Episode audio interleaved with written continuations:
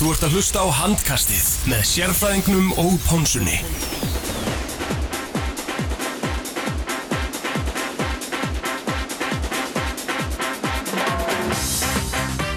Jú, komið sæl og blessuð og velkomin í annað þátt af handkastinu. Við erum hérna í New Balance stúdíónu í samstarfið 8FM og í bóði Coolbet.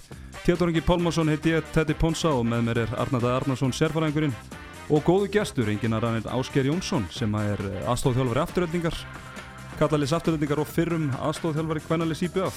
Velkomin Ásker. Bestu þakkir, gaman að vera mættur þetta með einhvern drengir. Takk hjá fyrir það Takk hérlega fyrir það. Arnardaði, hvernig líst þér á Kvennadeildin í vetur? Á hvernadeildinni, já, við ætlum einmitt að fara yfir hvernadeildina í öðru þætti af handkastinu uh, Ég hættur um að hvernadeildin í ár verði jafnari en í, í fyrra þótt hún hafi nú bara verið ansi í jöfn og úslitan hafi ekki ráðast verið í, í loka umferðinni en það var bara í úslita leik í víkinni, það er valur og haukar mættust í, í deildakefni þar Mm -hmm. Var- fór sáleiku fram í víkinni? Já, það þarf einhver að halda þessar ásatýr í, í valsemilinu, en fyrir mig það síðar en ég held að, já, ég held að Óli Stöld hvernig verður bara fjandi skemmtileg og hérna nokkur stórnöfn komin í deildina frá því fyrra einhverja farnar Mm. og bara bestu liðin að styrkja sig og, og, og þau sem hafa komið upp eru að því held betri en liðin sem fjallu í fyrra Nákvæmlega, Ásker, þú ert aðstóðþjálfari kallalis afturöldingar, þið fóru heldur betur vel að staði ger. Góðu sigur á múti í stjörnunni. Já, ég var bara ánægði með mína menn og svona uh, pínu höstbræður en, en baráttan var góð og hérna við svona náðum að gera út úr leiki með nokkru góðum köplum, sikkur með með hálfleik, uh, ánægði með það og bara, já, gott að byrja tímbili svona. Eins, einspurning, uh, útlendingur, hann var ekki með eða eitthvað Nei, hann er ekki komið leikamild, smá austur-Európa í gangi þar en, en það ætti alltaf að vera klárt fyrir næsta leik. Þetta er allt í sinu það voru, voru fleiri liði vandræði með leikamildir en við förum að yfir það í þættinum um fyrstum fyrir úlistildar kalla Setna í vikunni í vikunni. Uh, Ásker, hvernig líst þér á hvernadeildin í vendur? Mér líst bara gríðalega vel á hana ég, ég sammála ykkur ég held að deildin verði jafnari eh, heldur en í fyrra heilt yfir Eh, þetta voru svona fjögulið sem sem svona hérna, voru kannski í sér klassa í, í fyrra. Fólk kannski bjóst við stjörnunni meira í þeirri baráttu heldur en raun var og, og hérna, deildin var það jöfn að það voru ekki bara hérna, valur og hauka sem að sem að sem sagt, áttu möguleika á deildamestaratitlunum hann í síðustum fyrir í fyrra heldur líka fram á IPVF Eh, en þurftu að treysta á sem sagt, hagsta úslit þá. En ég held að hérna, ég held að munurinn þar, að segja, já munurinn sé bara minni á milli þessar liða heldur en áður og síðan eftir með liðið svo Selfoss og, og, og hérna og stjörnuna sem eru líka búin að reynda að taka miklu breytingum en, en styrkja sig svona að einhverju leiti Algjörlega, strákar, ef ekki fara yfir þá leikmenn sem eru komnir í deildin og þá leikmenn sem eru farnir úr deildinni. Endilega hendi, hendi þann lista. Förum yfir þann lista, við erum hérna með Sunni Jónsdóttur sem að fór í IBF frá Nóri, Arnarsveit Pálsdóttir er komin sömulegist til IBF frá Ungarlandi, Kíó Inage komin í val frá Japan, Túrið Arge Samuelsen í hauka frá Kindil í Færium, Katrin Magnúsdóttir komin til Selfoss eftir að hafa dvalið í Danmörku, Sara Bói einnig komin í Selfoss frá Danmörku, Díana Kristi Seymarsdóttir komin í Háká frá Noregi og, og líka Andrija Sjevic í Káþór frá Kroatíu. Það sem eru farnar er Díana Satkusate úrval til Litáin, Lína Melvi Grípdal úrval til Norex, Hulda Dagsdóttir úr fram til Danmörkur, Batisto Portero úr IBF til Portugal Eljónu Þórsdóttir farin úr haugum farið til Danmörkur, Elna Birgisdóttir úr stjórnunni til Norex og Vivian Pettersson úr Selfossi til Færeja Ásker stærstu tíðindir þarna að þínum mati? Um, ég myndi nú uh, ég myndi nú já, svona innkoma í deildina en náttúrulega myndi ég segja Arna Sif og Sunna í BVF það er uh, hérna svona fyrirfram uh, mjög stór félagaskipti sérstaklega kannski Örnu Sif sem hefur verið hérna, fyrsti línumæður í, í landsliðun undanfærin ár og, og greiðlega öflugur og reynslu mikill leikmaður. Um, en það eru svo sem eh, fleiri spennandi komur hérna, maður er spenntu fyrir að sjá hérna í Nagge og, og, og, og Túrið hjá Haugum líka. Um, en, en svona fljótt á litið myndi ég segja hérna, svona sem einhverjum í deildina sé IPVF með kvalreikana þarna sko. Mm -hmm. Algjörlega. Stærsta nafni sem hefur farið að þínum mati Ásker Eh, Diana var náttúrulega frábær svona heilt yfir hérna, en kannski sérstaklega framan að tímbölu fyrir vali fyrra, náttúrulega var að klíma við erfi meðsli uh, mikil gæðaleikmaður sem að er eftirsjá uh, í deildinni, verði að segja. Algjörlega. Og náttúrulega Elin Jóna líka uh, frábær og kannski vantaði svona stöðuleika stundum en, en síndi það að hún getur verið í, í toppklassa svona þegar hún ennir Nákvæmlega, Arnandæði, hefur ykkur við þetta að bæta? Nei, þetta er alltaf kannski aðeins minni listi en Karla megin uh, ég, held- ég, nú bara nokkuð ánæður með hann lista þetta er ekkert allt og mikið og svona af því sem ég hef heyrt af sem erlendu leikmenn sem er komnir og svona alltaf þekkjum við þessi íslensku leikmenn þá er þetta bara gæða leikmenn sem held að styrki deildina Mm. Uh, Sunna Jóns og Arnarsson alltaf bara Arnarsson alltaf landslis leikmaður og Sunna alltaf frábær leikmaður og karakter og utan og innan vallar og er alltaf er hjálpa að eiga leinu líka kalla megin þannig að það má ekki gleyma því. Já, Einfarin Já, uh, við líka kvalir ekki þar. Já, uh, þannig að færiski hotnamæri sem haugarnir fengu, hún á vist að vera bara fáralagu og bara jafnvel, og ég er náttúrulega og, og Kíó Inaki, hún er líka vinstur hotnamæður vinstur hotnastaðan í fyrra í Ólistil Kvenna, ég veit ekki hvort ásker að tekið eftir líklega en, en hún var náttúrulega frekar döpur sko. Já, og ég, ég man að þegar uh, ég skal bara óbyrra það núna ég var nú að hjálpa Tómas Þórðarsen í setjubilginni fyrra og þegar maður velja svona lið á ánaðarins þá vorum við með hausverk að velja leikmann í vinstra hotnið því að vinstra hotnamennir voru bara ekki að gera mikið í fyrra.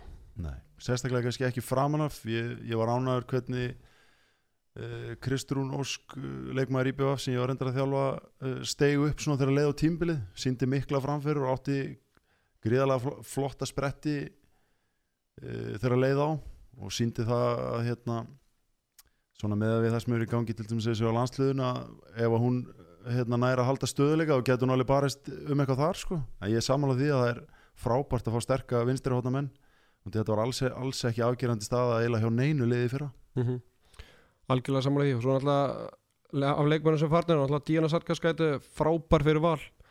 Og eins og Áskei segja var að glíma við hérna, brjósklós í, í fyrra og, og var lítið sem ekkert með í, undir, í, eftir árumót kláraði síðan móti í úsleitakefninni Hulda Dagsdóttir hún náttúrulega var ekkert með nema bara í úsleitakefninu með fram í fyrra, hún náttúrulega frábær varnamöður og, og, og svona, verður gaman að sjá hvað hún gerir í Danmörku.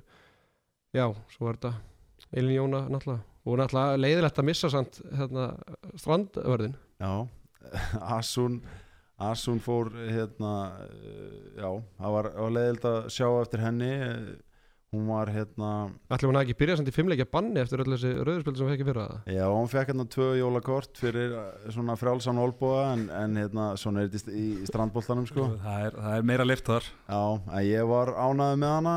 Hún var, það var bara átt í henni hún var hörku varnamaður, var svona svolítið í vandræði með, með slúti sín uh, en, en hérna og kannski líka pínu þólið uh, hún náttúrulega er að koma úr allt öðru tempói bæði hérna í á Spáni og svo náttúrulega er handbolti bara þannig séu önnur íþrótt. Og það sé hérna bolti og, og mark og eitthvað svona einhverja grunnreglur. En hérna hún var bara flott og í rauninni rauninni ótrúlega mikil heppni fyrir okkur að fá hana út af því að hún kom til vestmanniða sko til þess að, að vinna en ekki spila handbolta. Og allt í hennu var hún bara mætt. Var hann að fara í piskin eða?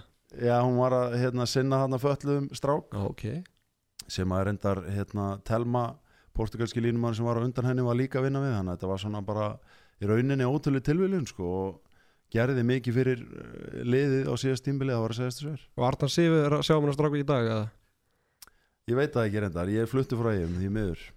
Æ, ok, næsta mál. Vi, Við könnum það kannski fyrir næsta þátt en strákar hefur ekki vind okkur bara í spána Jú, Uh, endilega, uh, áttali í deildin en að, þetta var nú aðeins stýttir þáttur en í, í, kalladeildinni Nákvæmlega, nákvæmlega. En uh, við ætlum að velja Coolbet leikmann Hverslega eins og gerðum í, í gerðum kalla megin. Já, við erum alltaf í bóði kúlbett, það má ekki glema því. Jú, jú, og minnum á hérna, Facebook síðan og Twitter síðan og ef ekki að minna þess á, á stærsta leikin sem við munum fara í vitur eða? Handkastið á Twitter og Facebook og jú, eins og Arnardæði vitnar í að þá ætlum við að gefa pakka á Final Four via P-ferð þar sem að Pónsson og sérfræðingur verða farastjórar og uh, þannig að bara fylgist þið með og við munum gefa þið verður bara á bíla, hvernig verður þetta Já, já, náttúrulega tökum Verðum að starf leigubíl. okkar sem farastjórar mjög alvarlega þannig að það verði ekki, verði ekki þannig. En uh, endilega fylgistu með og, og, og það styttist í að fyrsti pakkin verði gefinn þar.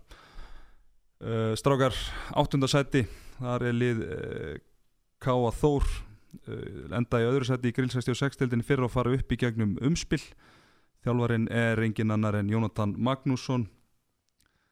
Uh, sterkasta byrjunulega okkar mati það er hún Andrija Sjevits í markinu Katrín Viljáns Aldís Ásta sem er enda þannig að spurning hvort að Solveig Lára verði þar ef að, ef að hérna, þau félagskipti gangi í gegn. Marta Hermanns, Hulda Bryndís Ástís Sigurðardóttir og Ástís Guðmustóttir uh, strákar þetta lið þarf að treysta hans mikið á vörn og, og, og hraðablöpið alltaf að gera eitthvað hluti í, í vetur? Uh, ef minni er ekki að svíkja mig kláruðu þær ekki deildin og háka fór upp um umspil er, er það misminni hjá mér eða?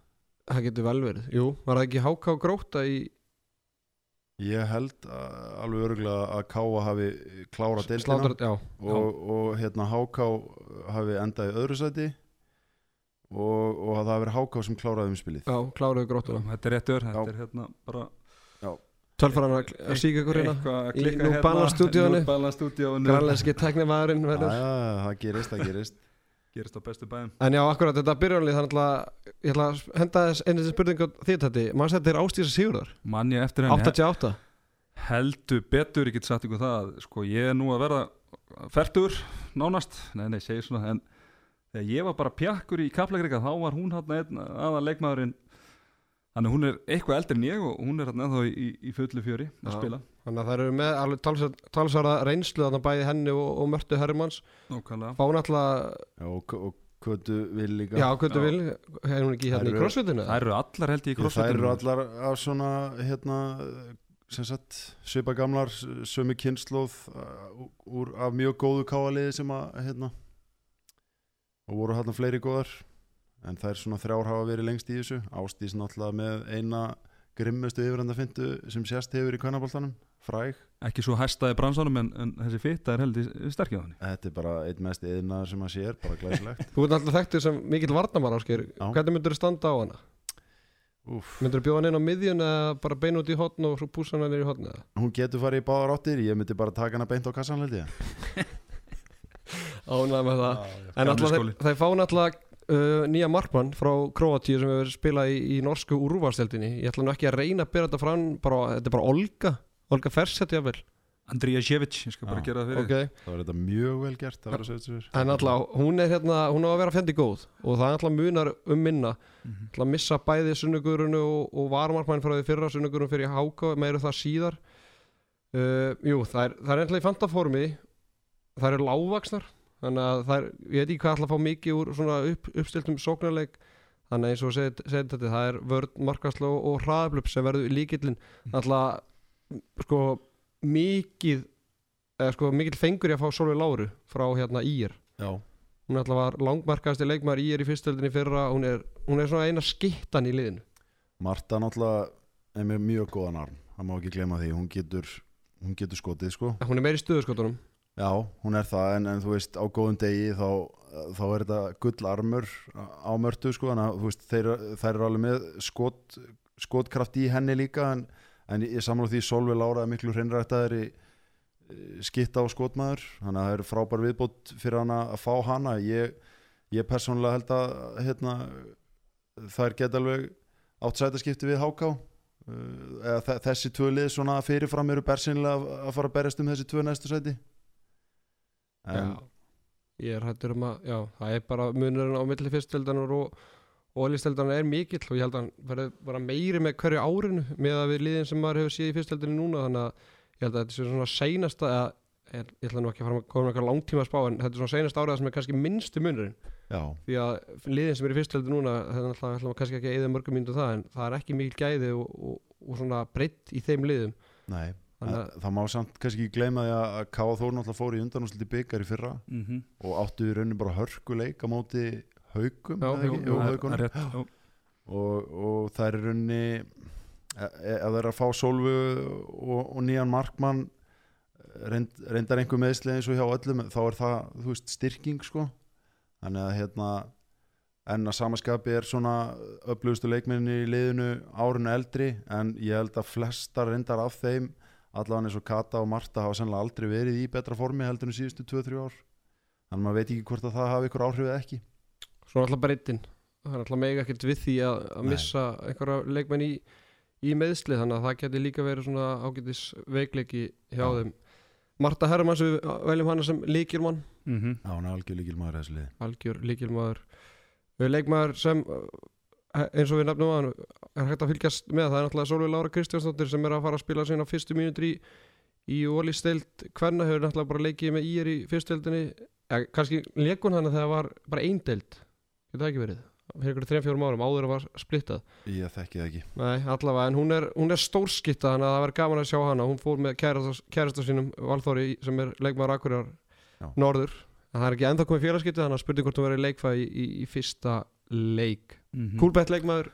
Það er náttúrulega bara eins og getur greina þar. Það er hún Ástís Sigurðardóttir 88 88 Herðu stráka, þá er það uh, sjönda setið. Kannski það er ekki komað mikið á óvart uh, það er liðið Háká. Það er fóru eins og áskipt tala mánu uppbyggjandum umspill emi við gróttu uh, í fyrra. Þjálfarinn er Vilhelm Gauti Bergsveinsson uh, Það sem eru komnar, það er Díana Kristín Sigmarsdóttir frá Fjörde, Sunna Guðrún Pétursdóttir frá Káþór og Helena Ós Kristjándóttir frá Fjölni og það sem er, svo sem er farið, það er Anna Blagojevic til Slóini, sterkasta byrjunarlið að Melkork í markinu, Sigga Haugs í hótninu, Diana í skeitunni, Valgjur á miðunni, Díana Simas hæra megin og Tinna Sól í hæra hótninu og Elna á línunni, svo koma þær Elva á Ari Bjarnar og Berglind Þorstinsdóttir sterkarinn í varnarleikin uh, strákar Vilhelm Gauti Bergsinsson þjálfari, hann var nú hörku varnamæður á sínum tíma. Hann þarf að smíða sterkan varnarleik á þessu liði til að þær eigi eitthvað tjens í vetur. Já, saman á því, það er alltaf með eins og við nefnum hérna með Elvi Arnbjarnar og Berglind Þorsteins báðar í hérna úlíkanæðslegum Íslands og hávaksnar uh, Berglind Þorsteins var með þess að í æfingahoppi með íslenska landsliðin í, í fyrra þrátt verið að vera hvað í kringum 18 ára aldurinn þannig að hún er þrælefnileg og sérstaklega varnarlega. Uh, hérna með Melkorku í markinu sem er hérna spilaði með mér í fyrra eftir að hafa verið ólétt og er náttúrulega uppalinn í, í fylgja með minnir. Uh, við setjum náttúrulega þessa skýttur að Diana, hún er, hún er nýja áskerðið ekki?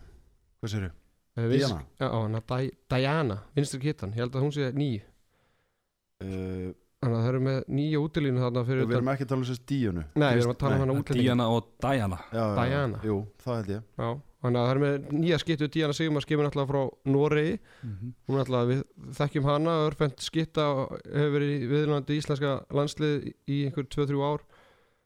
Já, ég spilaði náttúrulega hefur var fyrir hluta tímbilsi fyrra. Já, og hérna, hún getur skotið. Hún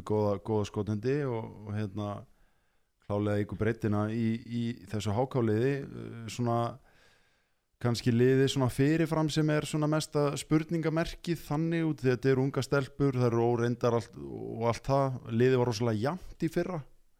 Eh, það, það var hérna jamt framlag jamt eh, skorað og svo frammeðis það er náttúrulega styrkur svona fyrirfram, myndum maður halda það það er að segja liðseldin í liðinu góð og, og, og hérna villinni mikill, svo er bara spurning þegar eru komnar á hærra level hvort að það verði vandamál, þar segja þessi engin svona framúrskarandi leikmaður til þess að hérna svona kannski að leiða liðið í þeirra gæðin og, og kröfunar aukast. En, en þú veist, það er bara þeirra að sína fram á það séu klárar í, í ólistildina Það er líka gaman að minnast á það að Háka stelpunar hafa verið svolítið virkar á samfélagsmiðlum og ég held ég að sé það allavega tvisvara þrísvara sem Vilhelm Gauti var að hlaupa ressil á æfingum hjá stelpunum. Þannig að hann er greinlega var allavega í fyrra og verður vonandi í, ára hann var að taka einhverja svona hvað sem var áskorun eða svona var að veðja við stelpunar Já, ok. Þannig að ef það er unnu eitthvað x marga leiki eða unnu leikin þá var hann að taka eitthvað svona súisall hlaup. Var þetta Gustaf Adolf Björnsson hérna?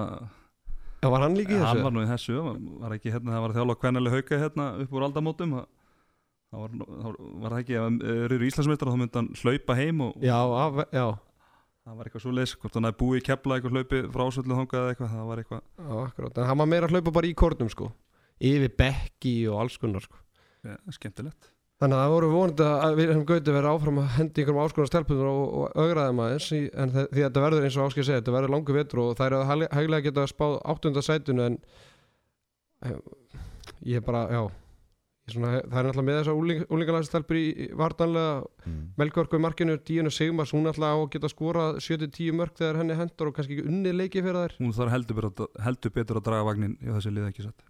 Já, ég held að sko, þú veist eh, það er náttúrulega það sem mun kannski skipta mestu fyrir þessi lið svona fyrirfram er náttúrulega innbyrðis viðrögnir milli K og Þós og HK og, og hérna um, ég er ekkit þú veist, ég held að það séu bara hörku leikir þú veist, það er, það er ekkit hægt að segja eitthvað fyrirfram að annar lið sé potjett með sigu þar, þannig að veist, þetta verða bara hörku innví, það er bara svo liðis og það svona mun kannski ráða mest um hvernig þetta ráðast eh, á botn deildarinnar held ég. En þú veist, eh, kannski koma, kemur annarkvort þessar lið og óvart og, og, og kemst eitthvað ofar og, og þú veist, það er bara svo er alltaf. Það verður við samt ekki að óska hákangum alltaf til hamingi ára komnir í, í efstu dild það er alltaf, Jú. ég hef haldið allavega, eða talað um þess allavega í tvö ára, það er alltaf ótrúlega að, að einn stort bæjarfélag eins og Kópóur hafi ekki verið með liði í efstu dild í nokkur ár, nú er hvernarliði loksins komið og vonandi er náttúrulega að karlalið farin að koma sér í efstu hvað er þetta, þetta er næstæðsta bæjarfélag á, landinu. Mhm. það er ekki bara Vilhelm Gauti að taka slægin með kallaliðinu og, og binda sama vörnina þar? Já, ég meina það er þeir nú ekki verið árangur en síðustu ár. Já, ég held að hérna, þetta sé bara þú veist e, bara frábært fyrir HK það er búið að vera hérna, spýt í lóana í yngri flokkastarfinu hjá þeim. Þetta sé bara hluti af því líka. E, líka kalla megin, þeir eru með hérna, eflega stráka í yngri flokkunum hjá sér fjóruða þriða flokki sem að eiga eftir að skila sér eh, vonandi fyrir HK upp eh, á næstu 2-3 árum. Þannig að hérna ég held að þetta sé bara hluti af því góða starfi sko Fyrir um herra Íslandar að gera ágætis hluti þannig með hákalið í kalladeldinni já, Já, heldur betur. Gulli Herðu, uh, kúlbett leikmaðurinn ætlum við að velja Elnu Arnandæði af hverju? Það er nú eiginlega bara út af því að þetta er eina Elna sem ég bara þekki á Íslandi eða hef heyrt nafnið Elna, hefur heyrt þetta nafn aður áskýrða? nei. Ég hef reyndar hýrt þetta nafnaður en Þannig að þú getur staðfest að þetta sé já, nafn. ég er líka mikill nafnamaður þannig að hérna, kannski ekki alveg að marka það. Þannig að Elna, línumæðurinn í Háka, hún er kúlbett leikmaður handkastins til hafmyggju með það. Uh, Strákar sjötta setið þar spáum við liði Selfoss. Endaði í sjötta setinu í fyrra einning þjálfarinn er Örn Þrastason. Uh, það sem eru komnar það er Katrin Ósk Magnúsdóttir frá Danmörku Sara Bói frá Danmörku sem er leiðis Carmen Palamaria er komin aftur eftir meðsli og einn leikmaður farinn Vivian Pettersson til Færiða Já, og síðan er hérna, má ekki gleyma því að Arna Kristín, vinstur hotnumæður, hún er ólétt Þannig að það er skarða skarða skildi sem það þurfa að fylla núna í, á þessu tíabili Þannig að það er einhverju leikmaður óléttir í ólistöldinni, það er frjósamar Það er bara frábært, frábært. Uh, Sterkast að byrjanlega okkar mati það er Katrin í markinu, Harpa Solveig í hóttinu vistramein, Hrafnildur Hanna í skitinu vistramein, Kristrú Steinþós á miðjunni, Huldadí Strastadóttir hæra megin og Sara Bója hæra hóttinu og Perla Rúð Albertsdóttir á línunni. Stráka, það er gríðalega stert fyrir þetta leið að vera komið Hrafnildur Önnu á fullt eftir krossbúndaslitt já, ég meina hún er búin að vera markahæsti og eitt besti leikmaður deildarinnar undarfærin ár er frábær alhega leikmaður skitta spilari, varnamaður þannig að hérna að sjálfsögðu er þetta gríðaleg styrking að fá hann tilbaka og, og í standi og ég meina hún hérna, var byrjuð að koma tilbaka í lók síðast tímbil þannig að hún ætti að vera í toppstandi núna og, og það munu heldur betur um minna fyrir Selfoss. Sammála því og eins og hún við hann bara geta hent henni bara í komni leikmenn þótt hún hafi spilað þarna í fyrra þá var Örd Rastason bróðurnar og, og nú er þetta þjálfari liðsins. Hann var svolítið að spara hann svona í flestu leikjum og svona nota henni í þeim leikjum sem er vissum væri að fá stig móti fjölunni og, og gróttu. Já. annars var hann kannski bara að spila henni tíu korter í hinnu leikjunum. Uh, þarna sko þegar við lítum á þetta byrjuleik það er svona þarna erum við farin að þekkja leikmenn tölvöld meira og þetta er svona þetta er lið sem gæti unnið toppliðin allavega staðið í þeim. Það menn hann ertu bara með tvo landsinsmenn í Hrafnildur Hönnu og Perlur já, já, Hulda Dís náttúrulega sýstir Hornildar hefur sko er að bæta sem í hverju árunni hún er að spila hægra menn, hún var á miðju og í vinstri skiptinu í fyrra uh, Perla Rut uh, náttúrulega komið Katrin Óski Markið svona Vivian færiski markmann sem var í fyrra hún var allt í læ, hún var ekkit meira það. Uh, Katrin Óski náttúrulega var í danska markmannsskólanum í, fyrra og, og kemur gríðalöflið tilbaka.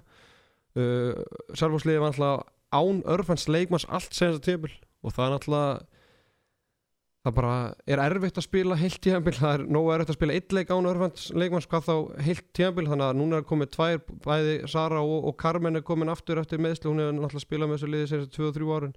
Mhm. þannig að það strax bæti Já, þótt að sé ekkert einhver frábæri leikmann það er bara að vera með örfenda leikmann það bara lítur betur út. Þannig að þetta er töluvert betra lið en servusliði fyrra. Sandur er að spá þessu sjötta sæti það er í sjötta sæti fyrra. Það er stórt stökk á milli sjötta sætis og svo 54 Já, ég held að sko þrátt fyrir allt voru þær að stríða þú veist, það, það voru bestu liðunum svona stundum sko, að þetta var rosalega þeim og þær voru náttúrulega að díla við mikil meðsli þú veist, ég held að þetta lið á góðum degi geti stríkt hvaða liði sem er í deildinni. Alltaf, ekki bara einhvern tímann sko. Nei, nei, og, og hérna, þú veist þetta er, þú veist, sjötta sæti ef þú horfir á liðin fyrir ofan er ekkit eitthvað ósakjöld spáka hvert selfisingum, ég meina, með að við árin og undan heldur, þó svo að þær gætu farið, þú veist, upp eða niður, þetta náttúrulega veltur svo rosalega á því þú veist, náðar að halda sínu byrjunliði heilar eða ekki, það er náttúrulega eins og hjá fleiri liðum eh, ekkit brjálu breytt en, en þú veist, bara það til dæmis að missa líkil manni svo Hrafnildi eða Perlu út úr liðinu myndi bara gjörbreyta sviðsmyndinni. Þannig að hérna þú veist, já, þetta veltur eiginlega alltaf á því. Hvar væri þetta selfhóðslið án þrastar þra- þrastar dætrunum og, og sinunum bæði kall og, og kvennalið selfhóðslir þetta er, þetta er ótrúlegur kynstofn. Já, já, þetta er gaman að segja frá því að, að við erum skild í, í, í, í föðurættu mér, móðurættu þeim þær eru með skálaniskinið eða þau frá segðisferi ég fekk eitthvað minna á því greinlega þetta kemur þaðan? Já, ég ætla ekki að fullir það en, en já, Þú fyrst bara, hvað, varnarhlutan þá að því eða eitthvað? Já, eitthvað, eitthvað minna. Ég fengi eitthvað meira um móðurættinni með við þau held ég. En allavega, þau eru bara glæsileg og hérna, öll frábæri íþróttamenn náttúrulega verið ótrúlega óheppin með meðsli Örn náttúrulega hérna, sennilega meðst Það var lungin leikmaður. Já, hann var mjög lunginn og, og gríðalega óheppin með meðsli og Hrafnildur náttúrulega verið það líka. Þannig að maður er bara hérna 7-9-13 fyrir íslenskan handbólt að haugur komist eh, svona heitli í gegnum allan að næstu 2-3 árin. Því líku súpið talent sem sádrengur er. Og bara hérna, frábær handbólta fjölskylda, virkilega gaman að fylgjast með þeim og, og sjá hvað þau lifa fyrir sportið sko, öll samul en hvað hérna segir maður Hrafnildur hann að ná í heilu Já. er þetta ekki en að senast tíðanbli þá með selfhóðsi annarkvort þá er hann að fara þá í ég veit ekki, toppliðan hérna heima eða bara fara út og ég verð bara tvennu tilbúið með bróðu sinum eða? Ég held að það sé ekki spurning ef hún ætla sér að taka næsta skref á ferlinum þá, þá verður hún að gera það. Það er bara þannig. Að, þú veist, með fullir í virðingu fyrir Selfoss sko, bara ekkert með það að gera en hún er, þú veist það að hún fari út í andinumennsku eða taki hérna, skrefi áttastæri klubbi núna er ekki diss á Selfoss, skilur, hún er búin að standa á vaktina eins og hersöðingi og ég verð bara að segja að það komi pínu óvart að bæði hún og Perla hafi tekið annað tímbil þarna, skilur, það segir allt um hversu stert Selfoss hjarta er í, í þeim öllum, sko, þannig að hérna e, þú veist. Þetta leit, náttúrulega ekki vel út sérstaklega fyrir seinast tímabil þar sem þeir fá sko færaska markmanni bara rétt fyrir tímabil. Já, þannig að kannski lítu þær á þetta svona ok, þetta er svona seinasti séðans við erum konum með Katrin Ósk aftur, við erum konum með danskan hægri hotnamann, Já. þannig að urðu þær ekki að taka sensi núna fyrst að þær voru alltaf konum með danskan leikmann og Katrin Ósk aftur í markið, það hefði svolítið verið mikið diss. Jú, ég meni ég þykist vita það hérna, að það hafi verið þú veist, eh, að þær hafi farið fram á það að það eruðu styrkingar eh, hérna, ef, ef þær hægt að spila þarna áfram. Hvort að, þú veist, það hafi verið allar þær styrkingar sem að kannski von var á þú veist, þessu aftur bara verður, verður að koma í ljós, sko. En, en jú, ég meina, þú veist til þess að halda svona geða leikmennum þá verður að gera betur heldur en í fyrra varandi leikmannamál og, og Selfoss hefur bætt aðeins í þar. Svo bara eftir að koma í ljós hvort að, hvert það skilur þeim. Algjörlega stráka það er leikmaður sem að fólki á Selfossi tala vel um uh, Íta Bjarklind Magnúsdóttir. Hávaksin stelpa uh, þekki eitthvað til hennar Já, hún er alltaf, ég veit ekki hvað er að vera hávaksin, hvað ætla hún sé 1.8, hún lítur að vera rúmlega 1.80 hún, er- hún er herri en ég held ég sko.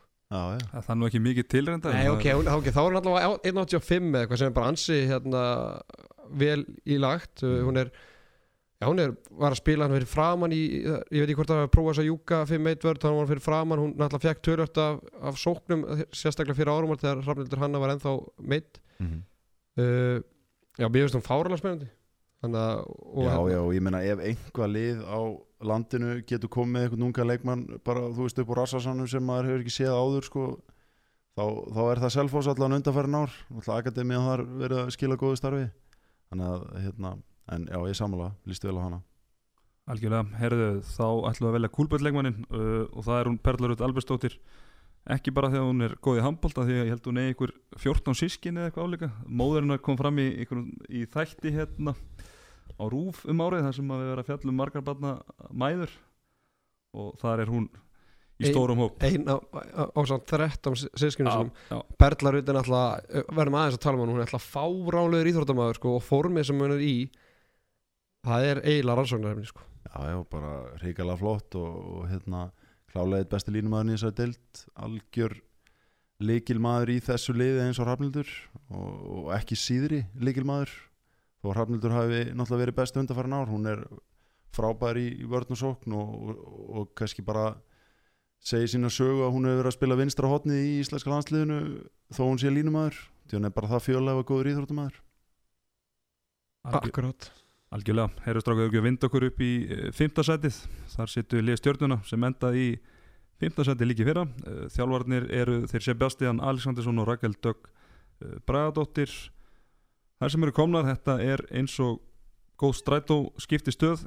Guðrún og Smarjardóttir frá fram Elisabeth Gunnarsdóttir frá fram Laugasta Guðmusdóttir einni frá fram Kristi Lísa Freyrisdóttir frá Fjölni Elinana Baldursdóttir frá Haukum Auður Brynja Sölvadóttir frá Gáþór Auður Ómarsdóttir frá Gróttu og Sebastian eins og við nefndum áðan þar sem eru farnar það er á, álíka langur listi Andi Tétusdóttir í F og Elena, Birg, Elena Birgisdóttir í Förde Ramóni Pekka Skíti í Hauka Ástriðu Þóra Viðarsdóttir Skeving er hægt Natalie Sæjun Valencia er einnig hægt sem og það er Esti Viktoria Ragnarsdóttir og Þorgjörður Anna Alladóttir uh, við hefum ekki fengið tíndi hvert held hvað að Hanna Guðrún Guðrún- sé Já, sko, við nefnum að þessi séu allar hættar. Það er alltaf leikmenn sem er ekki komnir í önnu félög. Mhm, Hanna Guðrún Stefansdóttir, Sólið Lára Gerðarsnættu ólétt. Mhm, Mér skil, skilst nú að Ástriður Þóra sé að snúa sér í fimmleika hafnahörðar mhm. þannig að Theodor Ingi getur nú fylgst með henni í sumar, nei, vetur þegar hann fer á kannarleiki og FH í fyrstöldinni þannig að þetta er ansi langur listi og miklar breytingar. Og nefni það að ég var, var með ritvelna á þessu og ég tek, tek það á mig að, að Laufi Ásta Guðmundsdóttir er náttúrulega að koma að fara á gróttu, Gróttu, En, en hérna þetta er ansi stór listi og hérna mikla breytingar. Uh, og náttúrulega þjálfarskipti líka Haldur Harri og Haldur Ingólfsson eru, náttúrulega- eru farnir og Sebastian Alessandursson og Rækildag Bragadóttir búin að taka við. Áskeir tíabili fyrra þetta var nú svolítið mikil vonbreiði Já, ég held að hérna, ég held að sé óvægt að segja það þetta hafi verið vonbriði sko. En uh, hérna já, já, ég meina þú veist þetta er svona, stjarnan alltaf verið stórveldi í hvernig hafði undarfærin ár kannski svona uh, þú veist, eitthvað blanda af óöfni með meðsli og tímasetningar og blanda, þú veist blandan í, li- sem sagt, af leikmönnum í liðinu var kannski ekki, ekki alveg að virka. Snerist svolítið mikið um Ramúni fannst manni. Og hérna sem þú veist mótjálfari þá þá hérna kortlaði maður leikinn kannski svolítið þannig sérstaklega varnalega en, en já, ég menna þú veist það er uh, tímbilið heilt yfir fyrir liðins og stjórnuna í fyrra að klálega vombrið, ég held að sé ekki að segja hana Sterkast að byrja liðið þetta Herra já, myndum okkur í það. Það er Guðrunóst í markinu, uh, Stefania í hotninu, Þórhildur vinstra megin, Laufey Ásta á miðjunni, Þórey hæra megin og Dæni Huldi hæra hotni og Elisabeth á línunni. Stráka, þetta er, þetta er hörkulið en eins og við töluðum um mikla breytingar. Já, sko þegar maður lítur á þetta byrjarlið þá er þá finnst mér þetta byrjarlið ekkert eitthvað mikið uh, meira sexy en til dæmis bara byrjarlið á sjálfa sér sko. Það munar satt rosalega að fá Guðrunósk í, Já, náttúrulega markva, markvæslan en svo er náttúrulega stjarnan er kannski með meiri breyt en Selfoss, Selfoss hefur náttúrulega ekkert gríðarlega mikla breyt. En eins og við erum með Þórildi vinsi skittu, þetta er leikmaður sem hefur verið að, sko, að leysa inn á línu mikið verið miklu varnarhlutverki. Já. þannig að hún á núna að taka skarið sóknarlega. Uh, Þóri Anna Áskilsdóttir er náttúrulega kom þarna fór gróttu til stjórnunar átti erfitt uppdráttar í fyrra. Maður veit ekki ennþá hvort hún sé skitta eða hotnamaður Já, hún alltaf hefur kannski ekki stærðina en hún alltaf hefur skotin og, og allt það til að vera skitta en hún alltaf hefur ekki stærðina kannski í það. Búin að fá Elisabethu frá fram á, á, á strikið. Hva- hversu marga mínútur á hún inn, á- inn á vellinum. Þannig að, Guðrun Ós náttúrulega bara besti markmaður í, í deildin og, og frábært verið stjórnuna að fá hann og það var svona maður er maður að segja frekar skríti félagskipti Já, það er allan komið mér mikið á óvart en þú veist, þú veist þetta eru allt samt góði leikmenn sem þið nefnið þarna í byrjunliði og, og veist, þetta lið ef að hérna, Rakel og, og Bastin á að, að, að hnóða smá passjón og, og baráttu í það er að, að þá, veist, það er allt hægt. Þetta er lið sem getur unnið, veist, vel upp fyrir sig með þessi spá og, og allt það. Þetta er svona aftur kannski spurningum um hérna um svona samsetningu þú veist uh, hæð, snerpa, skotpower þú veist, er þetta of kannski líki leikmann, veit það ekki. En þú veist, ég menna Laufey hérna uh, Þórey, þú veist, þetta eru hörku leikmenn. Þú veist, Laufey ástafi er ólseg sko. Og, og hérna Lísa náttúrulega síndi það í, í fyrra að hún er ennþá eitt besti línumæðurinn í deildinni ef ekki besti sóknarlínumæðurinn komin í tölur betra form en hún var í árinu undan. Já, og hann kannski búin að vera í svona smá dvala einhvern veginn hjá, hjá fram. Eh, þú veist, eftir að Steinun fór að spila línun á fullu sóknarlega og var bara í einhvern veginn, eh, þú veist, auka hlutverki séðan, þú veist, fer Steinun í batningnir og Lísa kemur tilbaka og þú veist, sýnir hvað hann getur. Þú veist, ef að þessi hlutir eru inni, þú veist, línuspil og, og markvast á vörð, þú veist, þá getur þetta lið gert helling, en, en það er bara kannski, þú veist, þetta er liðið sem að svona fyrirfram á eftir að sanna mest út af því að það eru það mikla breytingar og, og svo frammeðis þannig að veist, það eru mörgum spurningum ósvara en uh, hafa þær ekki verið að díla við kannski sama og kallalið stjórnuna kannski sérstaklega í fyrra? Það er svona bara er en svo sé eitthvað hálfgeir stemningsleis í Garðabæn Jú, það, þú veist það er allavega kannski virtust eiga erfitt með að mótivera sig e, í fyrra og þú veist, þetta er oft kannski svona spýra allir að lið er með einhverja væntingar og síðan standast þær ekki og þá byrja svona einhver ákveðin spýrall og svona alltaf þegar líður á tímabilið þú veist e, það, það áttu oft skilur góða kabla en svona höndluðu mótlæti kannski ekki nægilega vel. Og, og það er þú veist e, þú veist, ég meina það, það er ekki þetta að neyta því að það var stem, stemningsleysi þú lítið tilbaka hjá liðinu og, og þess vegna eins og ég segi þú veist, er, er, það þáttu sem að nefnir en, en þú veist, ef að Basti er ekki maðurinn til þess að blása smá lífi í það, þá er hann alltaf til sko. En það er alltaf líka bursið frá allir þessu leikmenn sem er farin þá er alltaf mikið reynsla líka farin úr liðinu Hanna Guður og Stefansdóttir er Já. að með skils bara hætt Ramún er alltaf farin í hauka og síðan er alltaf Solveig Lára Kjærnast eða ólétt þannig að það er alltaf farið bara einhver sko 500 mestrarásleikir sko. Já, já, þannig að og núna mun mæða miklu meira á Þórei önnu. Náttúrulega hún og Solveig voru svona skiptu þess að millið þannig að fór hægt yfir Solveig og náttúrulega búin að aðeins fann að eldast og hérna með tímanum bara eins og gengur og gerist hjá okkur öllum hérna á, á jörðinni. Það er ekkert nei, nei. við hana sakast við eldust öll sko. Það er, það er tími, hann klukkar ykkur allavega endanum. Ég er að segja það þannig að já, en það er mikið reynsla farin og, og það mun mikið mæð á þú veist, þetta er allt svona fyrir utan kannski laufi ástu lísu, þá er þetta svona frekar eða, þá er að tala um daginn í höld Þórei, Stefania, Stefania átti erfitt tíðanbili fyrir vinstra hóttunni til dæmis, það mun me, me, me, me, meira mæða á þeim núna. Já, sérstaklega það sér upp í úsleitakefni sko. Og, og það er kannski svona, þú veist, ef að skilur markvæsla og hraðaplöp eiga að vera uh, akkeri, þú veist, þá er líka spurning hver er svona augljósi hraðaplöpsmaðurinn sem er að fara að skora, þú veist, fimm, fimm örki leik úr já, hraðaplöpum. bara eins og Hanna hefur verið að gera síðust ár sko. Já, já, hanna og þú veist, uh, menna, uh, þú veist, eins og bara, hérna, samleikur, hérna, uh, þú veist, Guðrunar og, og hennar meðspilara, þú veist, ég menna hraðablöpinu fram úr frábæri fyrra og, og svo frammiðist, þannig að, þannig að þú veist, að, það er líka kannski ofta að svara því, en það verður bara spennend að sjá hvernig, hvernig það þróast. En svona 15 sættu, er þetta svona raunhæft heldur að stjarnan getur verið neðar eða getur verið ofar? Ég held hún geti alveg farið ofar og, og þú veist, hún geti alveg líka ni- farið niður fyrir Selfoss. Þú veist, þetta er veist, það er náttúrulega erfitt að sitja hérna og spá eitthvað í spilin. Ég minna að þetta er bara hérna, spilin á borðinu eins og þau liggja núna fyrir tímabili, ég held að þetta sé ekkit ósangjött spá, þú veist, en að sama skapi þú veist, eh, þá, þá gæti stjarnan alveg farið tvö upp, tvö niður, sko en náttúrulega mikilvægt og, og náttúrulega eitt af vesunum vandræðum í fyrra var náttúrulega markvæsla þannig að það náttúrulega var greinlega mikilvægt fyrir það að fá Guðrun Ósk og þau eru náttúrulega búin að fá, fá hana. Hvort að það sé nóg, við vitum það ekki en við tillum hann allavega sem líkilmann í, í stjórnunleginu á þessu tjöfbili sko. eiginlega með sko risastóru elli Já, ég menn hún er algjör leikilmaður og hún er leik, leikmaður sem getur lokað uh, leikjum á móti bestu liðunum. Og, og þú veist, og haukar til dæmis bara síndu það í fyrra að með topp markmann að ég menna það, það bjóst engin við neinu af haukaliðinu í fyrra. Þannig að hauka síndu það í fyrra að, að þú veist, þú ert með 20 bolta í rammanum að þá er allt hægt heldur betur. Ég menna þær fóru í hérna úslit í byggar og, og, og úslit í hérna nei, und, nei, jú, undanúrslit, já. já, undanúslit í, í hérna Íslasmóti ég menna, þú veist þannig að ef að Guðrún Ósk er í, er í sínu allra besta formi og er að klukka 15-20 bolt í leik, þá getur stjarnan gert alls konar hluti sko.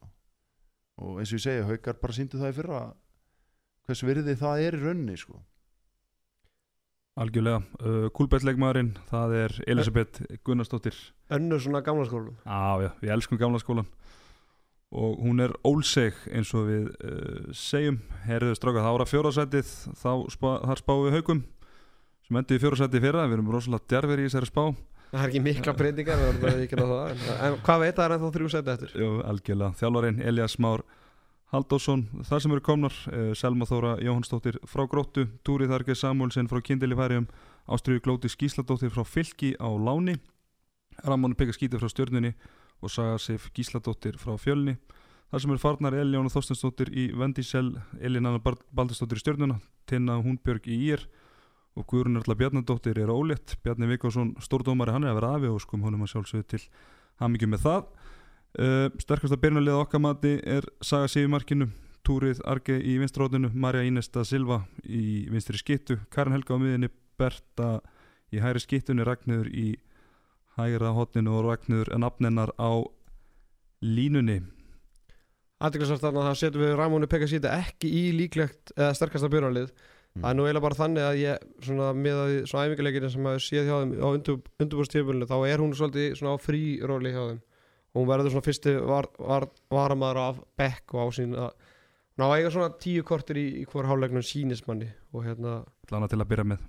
Já ég held að hún er svona líka með náttúrulega náttúrulega farin að náttúrulega hún er löng og, og þarf að það er að beita þessu öðru, öðruvís en flestar þannig þannig að þetta hefur verið svona það hæ- hægst aðeins á henni þótt hann að það er alltaf verið markaðist í leikmaður stjórnunar í fyrra og frábærtur haugana að fá eins og við viljum kalla hana ung frá hauga Þekki hvert krók og kima á ásöldum hún og Pítur Bámarúk Já, ég held að sko ég held að þetta sé uh, sko þrátt fyrir öll gæðir að múni þá held ég að þetta sé pínu spurningamerki fyrir hauka. Út af því að það sem að haukar höfðu í fyrra var náttúrulega brjálu liðseild og, og barátta og, og svona svona jöfngæði í rauninni yfirlið þó að hérna uh, Marja Ínes er náttúrulega eh, besti leikmaður en svona yfirbara leikmaður í liðinu þannig fattar við þannig að svona með að við til dæmis kannski framlaði hjá Ramúni hjá stjörnunni í fyrra að þá held ég að þetta sé rétt nálgun á hvernig er hægt að fá besta úturinni þetta hlutur sem þú ert að nefna svona fyrirfram á þess að ég sé eitthvað að gera lítið úr Ramúni og, og hennar uh, hæfileikum, Menna, hún er einn besta skitta sem er spilað á Íslandi undanfærin tíu ár og, og hérna gríðalega öflug. En hún er líka komin eins og þú segir á þann aldur og ætla að fara að byggja liðið upp í kringum hana sem með þessum ungu leikmennu sem síndu sig í fyrra væri held ég svolítið svona skref aftur á bakk ég held sem miklu frekar eins og segir að hún sé þá leikmennu sem getur komið inn á og brotið upp leikin uh, þegar til dæmis haugunum vantaði það í fyrra og ef hún verður nýtt þannig þá held ég hún geti verið öflugt vopn. Já, en, en eins og ég segi, gæti mögulega haft áhrif á einhvern veginn liðseldin og sameldin og blöndin í liðinu. Þú veist, ef, að, ef er ekki ef Elli hérna, stilli það ekki rétt af en ég er svo sem engar ágjur að að hann gerir það ekki. Já, og það- ég er alveg sammálega að þetta var svolítið þungt yfir náttúrulega Ramúni og bara öllu stjórnulegin í fyrra. Þannig að svona Já, Ramúni, þráttur að Ramúni hafi verið best stjórnustelpa í fyrra og langmarkaðist á svona og leitið þetta ekkert vel út. Og, en, og saman að skapið haukalið var svolítið að fara með þetta á, á leikliðinni voru að spila hraðan og skemmtilega bolta með Karinni Helgu, Marju, Guðrun Erlu Þóruði Braga. Já, náttúrulega Bertu henni hægri skiptun eða hún springur út í setni hlutan þannig að Ramún er ekkert að fara í hann samba bolta eins og það voru að spila á tíðanbili sko. Þannig að svo náttúrulega eins og segir, þetta er einhver svona vítin og í sóknarleikin þetta um eða annað tækifæri til að breyta um sóknarleik ef þess þarf uh, svo náttúrulega fáið Ragnar Ragnarsdóttir aftur í hérna hægra hotni það er náttúrulega voru í smá vesenu með hægra hotni í, í fyrra, hún er náttúrulega var í, í hvað í námi held ég í Danmörku fyrra. Hún leik eitthvað með, Karen núna komin alveg fullt, hún náttúrulega var líka svona on-off hún var á, bara á hérna flugi bara millir landa Danmörkur og Íslands í fyrra en hún að taka þetta á, á fulli í, í hérna í vetur, uh, færingur í minnstur hotnabærin, maður hirt gríðarlega góða sögur að henni og hún á náttúrulega hún á vist að vera bara svaðalega fljót og, og bara örg, góð, góð skotmaður þannig að þetta lítur bara nokkuð vel út hjá haugunum, það er kannski markværslan er náttúrulega kannski spurningamerki það fá, fá þetta þrjá markværi til sín Selmi Þóru, Ástriði Glótisi sem er náttúrulega úlingalæstismenn og, og svo sögur sig frá fjölni. Bæði Selma Þóru og Ástriður eru meittar til að byrja með þannig að Saga sig byrjar í eða, mun líklega byrja í rammanum fyrstu leikina þannig að það er alltaf að missa Elin Jónu. Já, ég held að, að hérna, þú veist uh, þrátt fyrir miklar og góða styrkingar þá held ég að hérna, þú veist, bara þessi faktor uh, seti haugana eins og stjörnuna í, í pínu spurningamerki sko. Uh, þú veist, Elin Jóna þú veist, gengi haugana helst svolítið í hendur við hennar gengi. Og það er hérna, þú veist, það er þetta er svo mikilvægur uh, liður í leiknum og, og líka bara þeirra leik, hvernig þær spiluðu leikin hörku vörð, markvæsla hraðaplöp þú veist. Þannig að þær, þær þurfa svolítið að, hérna, sanna sig að geta þetta ánina líka sko. Og hérna mikil ábyrð þarna ungu markmönnum en það verður bara spennandi að sjá hvernig, hvernig það kemur út. Uh, en já, ég, ég myndi segja að þetta er, þetta er spurningamerki Nú, Þú varst alltaf að þjálfa þess að deildi fyrra. Við setjum Maríunu, María da Silva Pereira sem líkimann í haugaliðinu hún alltaf, þetta er alltaf mikill fengur haugalið, þetta er heldur hvað hann er þriðja tímabil. Þetta er portugalsku leikmaður sem er bara nánast bara, bara búsett á Íslandi. Bara hún er á hérna mættir þeim í fyrra. Hversu góðu leikmaður er þetta, hún er svona fer ekki droslega mikið fyrir henni, hún er alltaf ekki droslega stór hún er fljót og hún getur spila alltaf stöðunar mm. hversu leiðalt er að mæta henni?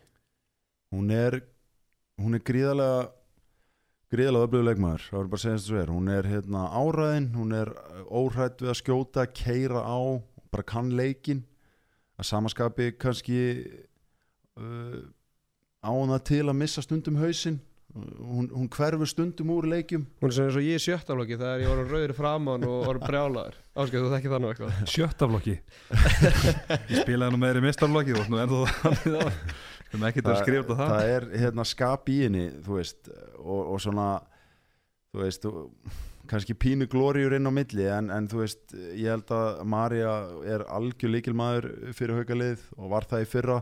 Þú veist ég held að það gæti verið jafnvel uh, þú veist gott fyrir hana þú veist eins og að Ramón sem komir hann inn það er að segja að þú veist það léttir svona ákveðna pressu á henni uh, þú veist Það sóknarleikunni fyrra við vorum alltaf að hæla þeim áðan en á tíðanbili þegar þær voru í hvað mestu vandræðum þegar Berta var meitt og, og þegar hérna, þær voru meittar Karin Helga ekki en þá með þá leitið alveg hræðilega út á, á tíðanbili þegar þetta allt snýrist bara um það Silva sko. já, já, það gerði það og þú veist, og til dæmis kannski þú veist eins og það er lendur kannski í smá skell á móti okkur á ásöllum þegar við plúsuðum Mari út og, og sóknarleikurinn já, eiginlega bara hrundi. Það er, það er Þóruldur Braga fyrir hugur, já, já, Já. þeim leik ég held að hérna, Jenny, Guðni Jenny var með bara eitthvað, þú veist, 90% markvislega eitthvað fyrir áleika eða eitthvað rugl sko.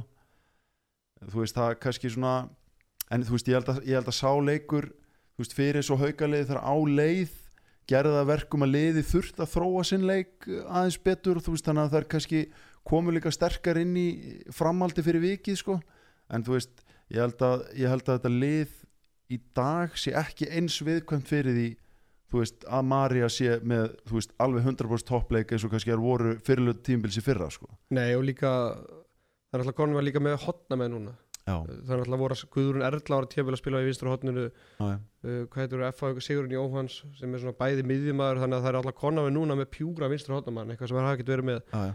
og svo er alltaf Ragnar komin í hægra hotni þannig að svona breykar allavega aðeins sóknarleikin og það er núna Já, geta já. ekki bara hotnamenni fara að hjálpa allt og mikið og þá bara hleyft hotnamenni í gegn þannig að ég held að Já, ég meina þær eru, þú veist, hauka, haukalið er hörkulið, baratuglatt lið, þær eru bara búin að auka breytin ef einhver er í rauninni eina sem er spurningamerki, svona að minni hálfu fyrirfram er eins og ég segi, þú veist, hvernig Ramóni kemur inn í þetta lið og hvert hennar hlutverk á að vera og svo þetta Markvæslan sem er náttúrulega risa atriði þegar þú ert að hérna, missa markmann eh, sem að þú veist, þótt að Elin Jónar reyndar hafi átt kannski sveiflu kjenda framistöðu, þú veist, það átt hún þa þannig toppleiki inn á milli sko þú veist, það er ekkit, ekkit algengt að markmenn séu að loka 20 boltum í ólistildinni sko.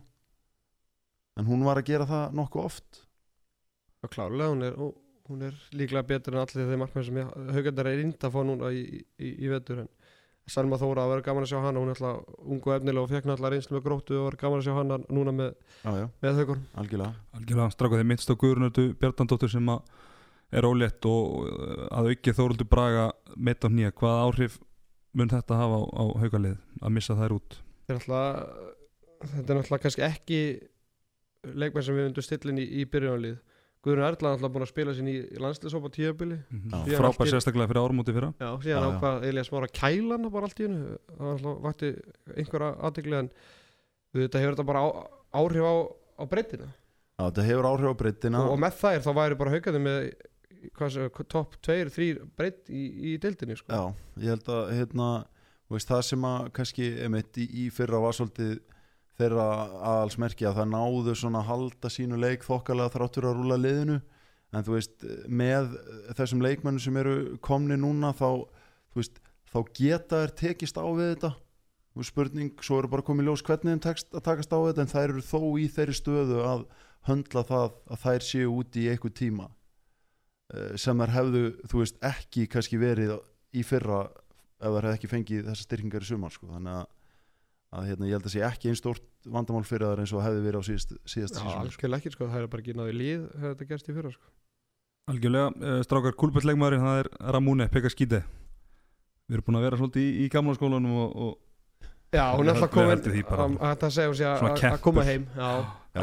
Ramóni á góðum degi náttúrulega, eh, það er engin skitta eins og hún í deildinni á góðum degi og engin leikmaður sem getur bóðið upp á bara þá fysisku hæfileika sem hún hefur eh, þegar hún hittir á sinn dag sko. og talandi líka um Da Silva þá er Ramóni, hún er bara hún er bara hann haugari já, já, og hvað sem mikil fengur og gott fyrir eins og haugan að vera og hann er bara með tvo útlendingar sem þetta treysta bara á að verða áfram og áfram Já. með þess að Ramóni fer í dönsku úrastildu og svo kemur hann aftur heim í Já. haugana sko. já, já. þannig að þýlgu fengur verið hauga á sínu tíma og ég held ég hef verið hvað, svona 10 ára þegar hún kemur sko. Nei, ég segi það nú ekki, Já, það var ekki ég- 16 ára síðan. Já ég menn hún er örgulega búin að vera 11 ára já, meira held ég. Já, ok, Já, þú. það er, hún búin, það er alveg ég, sko, þú veist, ég held líka bara þú veist, 8-15 og ég vona fyrir Ramóni að þetta verði svolítið svona endurníu lífdaga fyrir hana þú veist, að fari þetta unga og feska lið að það svolítið bara svona Hildið hann vantar bara gleðipilur Já, ég held að, þú veist, ég vona það Já, Þú veist, út af því að það, það var ekki mikið gleði í fyrra og, og veist,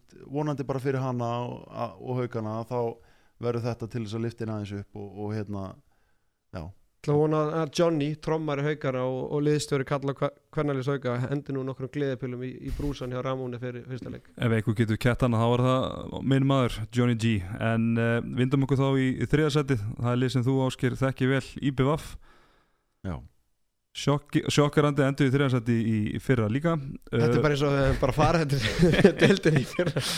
Algjörlega. Uh, það sem eru komnar Arnarsi Pálsdóttir frá Debreceni í Ungurlandi og Sunna Jónsdóttir frá Halden, ekkert engin smá styrking það sem eru farnar Sandra Eilistóttir í val Erdar og Simondóttir í fram og Batista Portero til Spánar.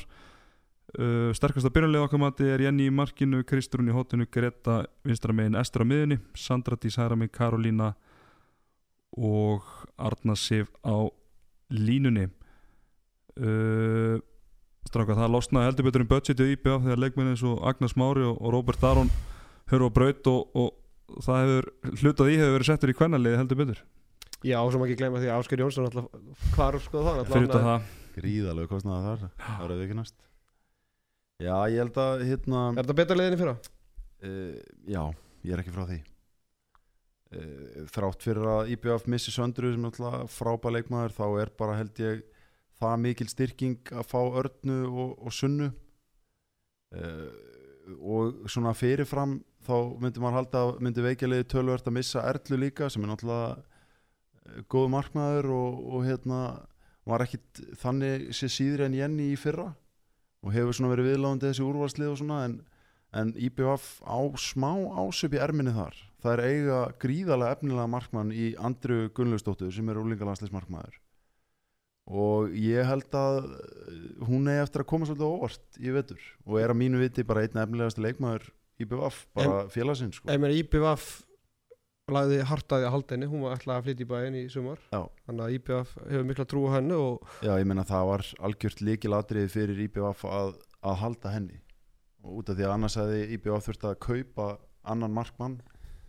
Og þarna ertu bara með bandalagskonu sem er hérna, gríðald efni og, og það er ekkert sem eigamenn elska meira heldur en að sjá gott eigafólk dafna á vellinum, þannig að þetta er líka gott fyrir kemistriðinu liðinu.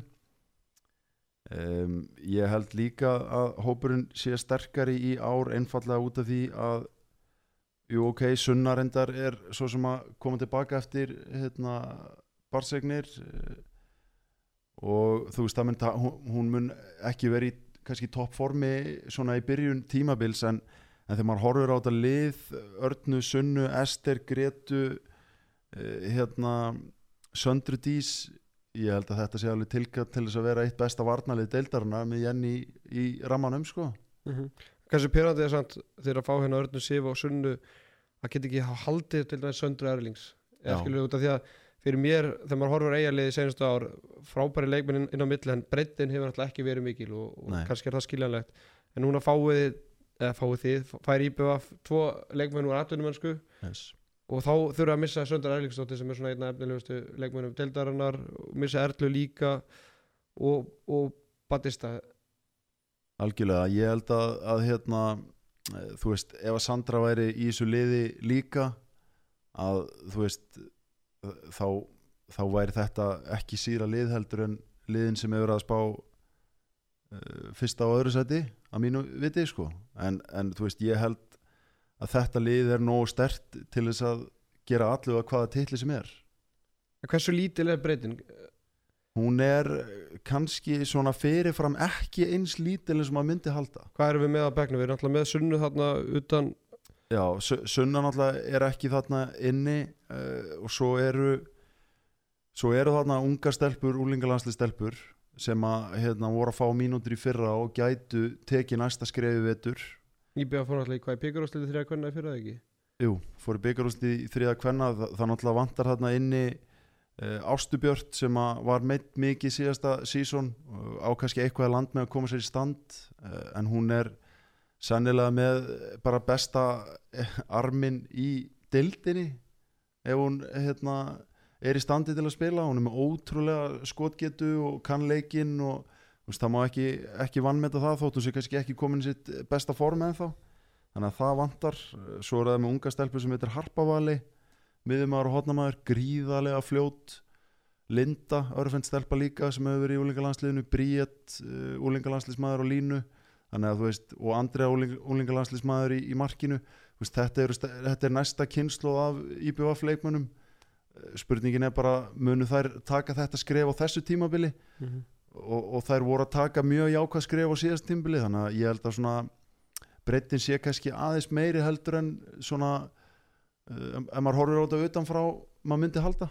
En þetta er náttúrulega allt leikmenn sem er eftir að sanna sig í ólisteldinni Algjörlega, uh, þrátt fyrir allar þessar styrkingar þá setu hérna líkilmannin Ester Óskarsdóttur. Ásgeir, þú þekkir hana vel myndur ekki segja hún væri hjartað og jafnvel og heilin í þessu liði Ég held að sé mjög erfitt að tala um eitthvað annað en að Ester Óskarsdóttir sé líkilmaður í þessu liði. Hún er hérna arguably besti leikmaður síðasta tímbils Ragnöður náttúrulega var frábær líka.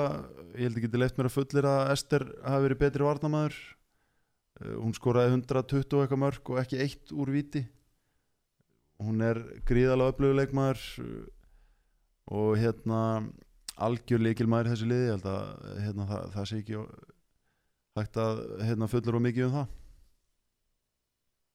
Algjörlega uh, er svo með, með Jenny í markinu alltaf Já, ég meina, þú veist, auðvitað eru fleiri góði leikmenn en það, ég meina, Arna Sif er, er hérna, burðar á sér landsliðinu, Jenny er líka landsliðsmarkmaður, hún kannski hefur ekki verið í nægilega góðu standi en, en hún leggur gríðalega hart að sér, ég veit það og, og hérna, er alltaf að komast í betra og betra form.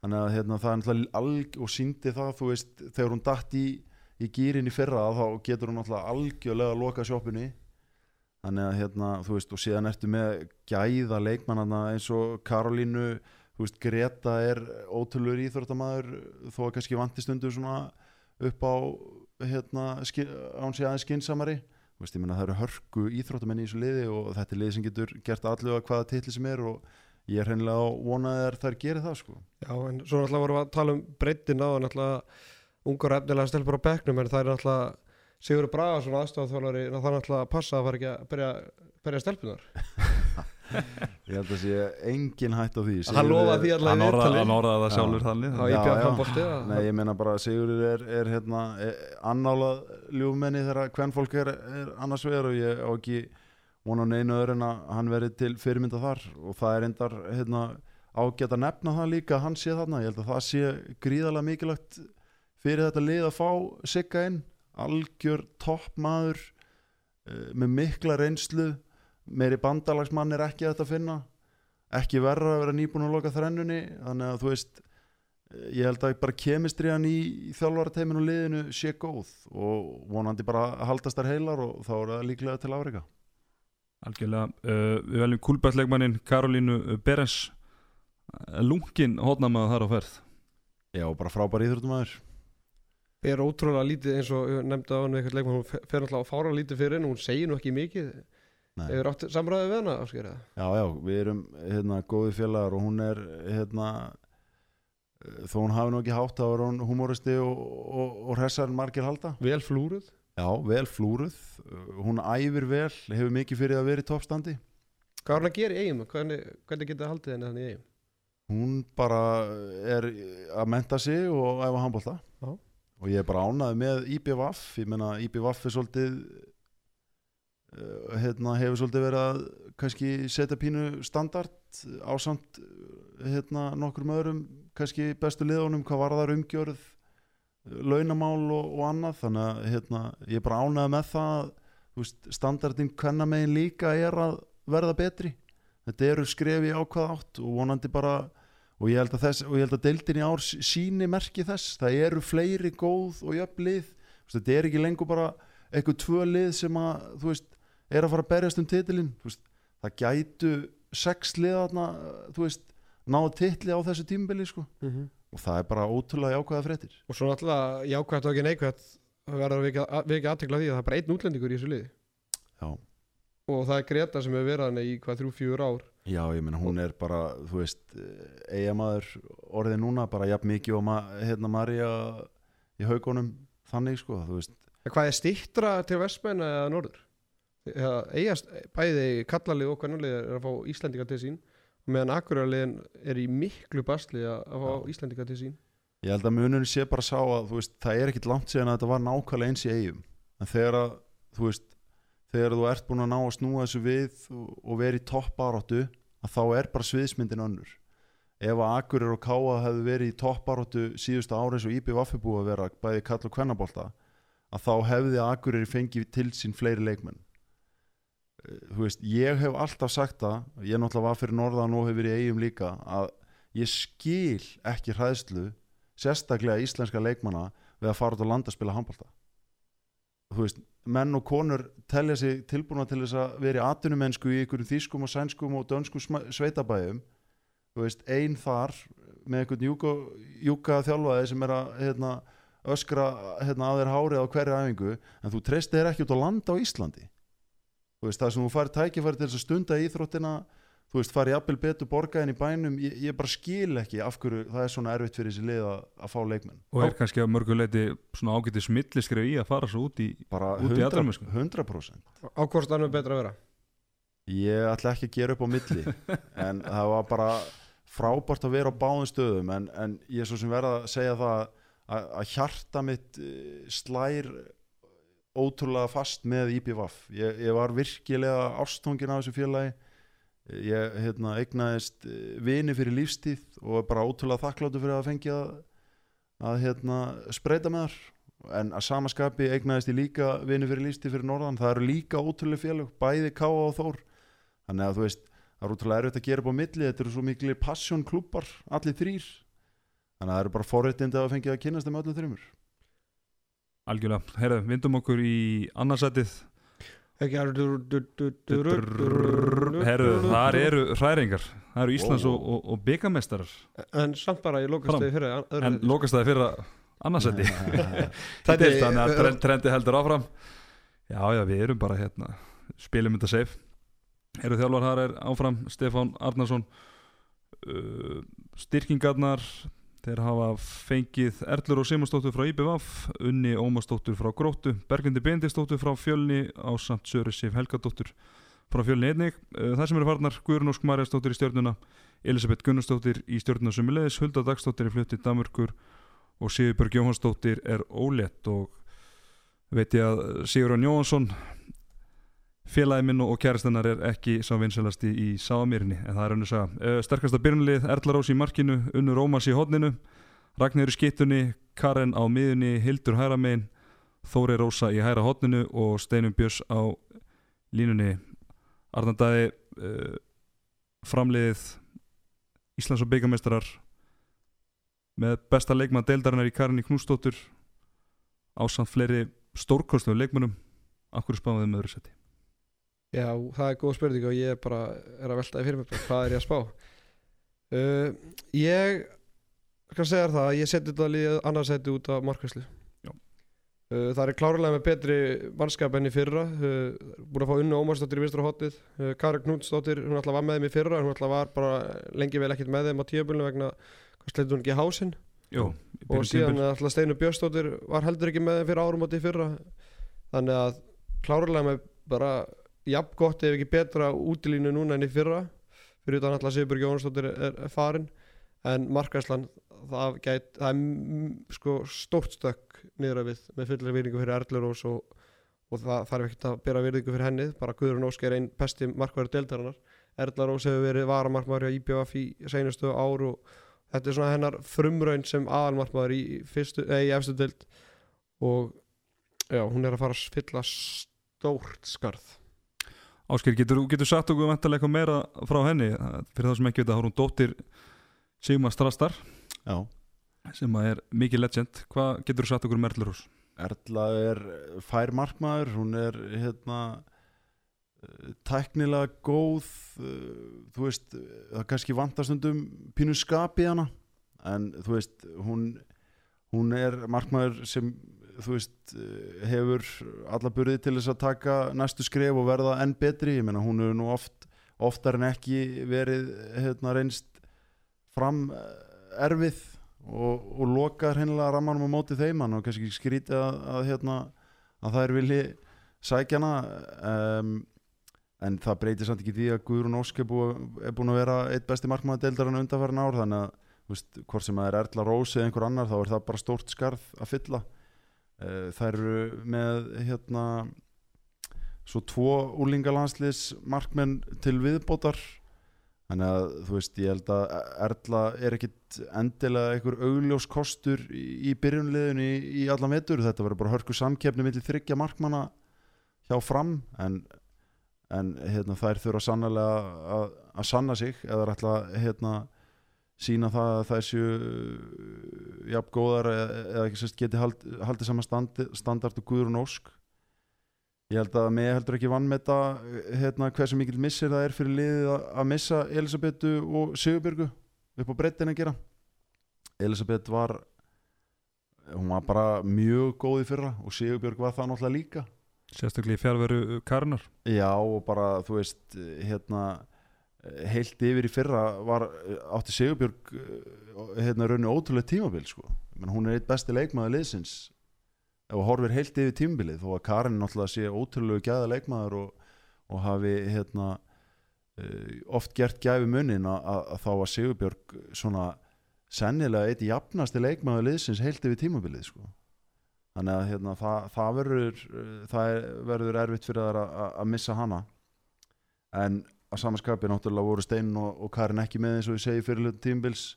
Ef þær eru heilar ég held reyndar að að það séu báðar að glíma við smáæðili meðsli núna. Er ekki Steinur Reyfisbrotin Jú, það er eitthvað, hún var alltaf ekki með til að byrja með. Og Karin eitthvað, eitthvað smáæðilegt þannig að hérna aftur byrjaðar held í tímbil án þeirra, mögulega verður Karin þó komin tilbaka, maður veit það ekki.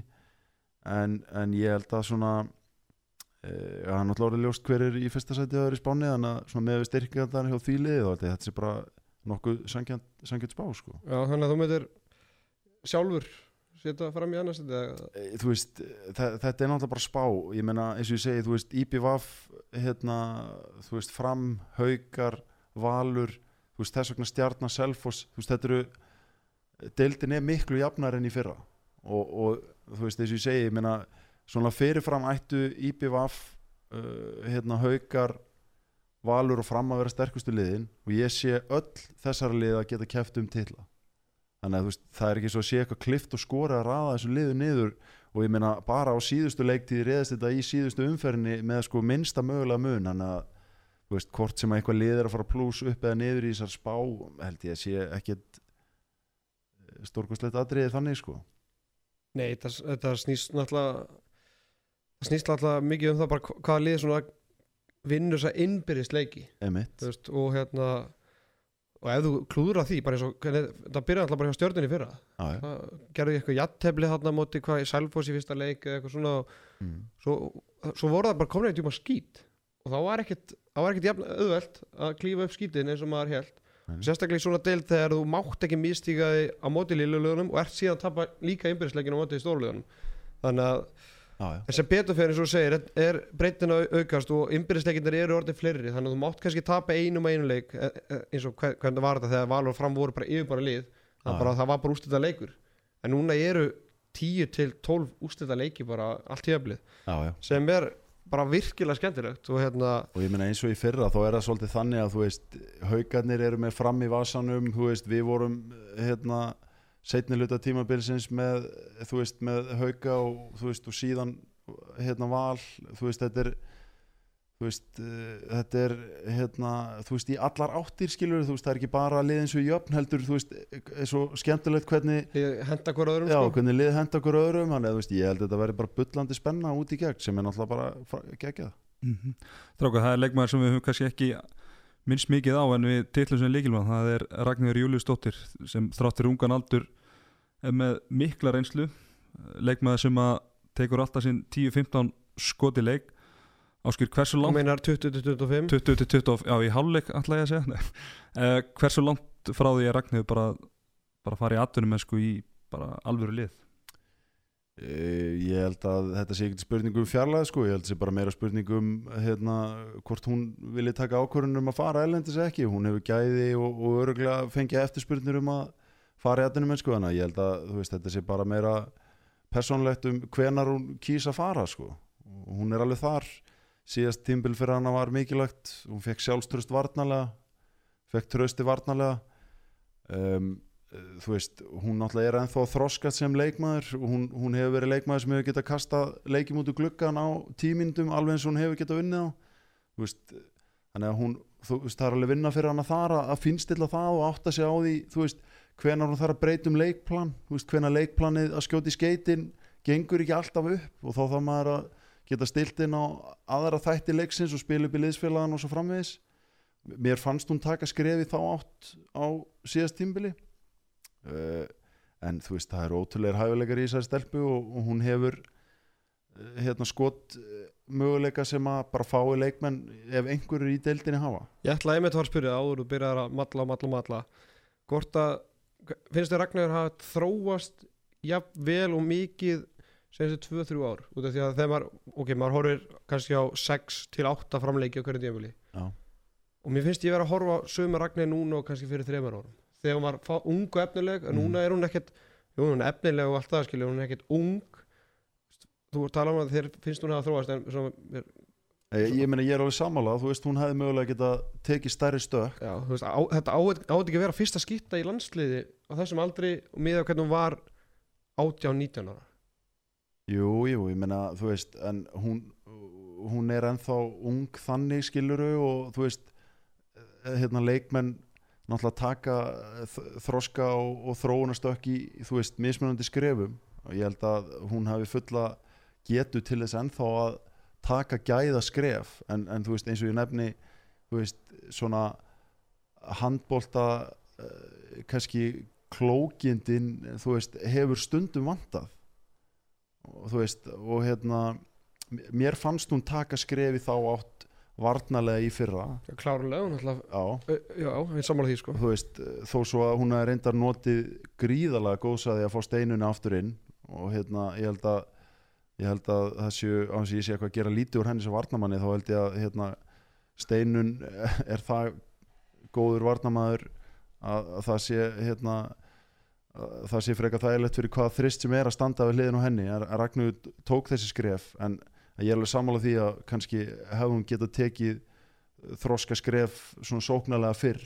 Eins og ég segi, hún, hún getur eh, hérna, átta til að, að skjóta liðið út úr leikjum. En að samaskapi líka er ótrúlega mikil ábyrð á henni.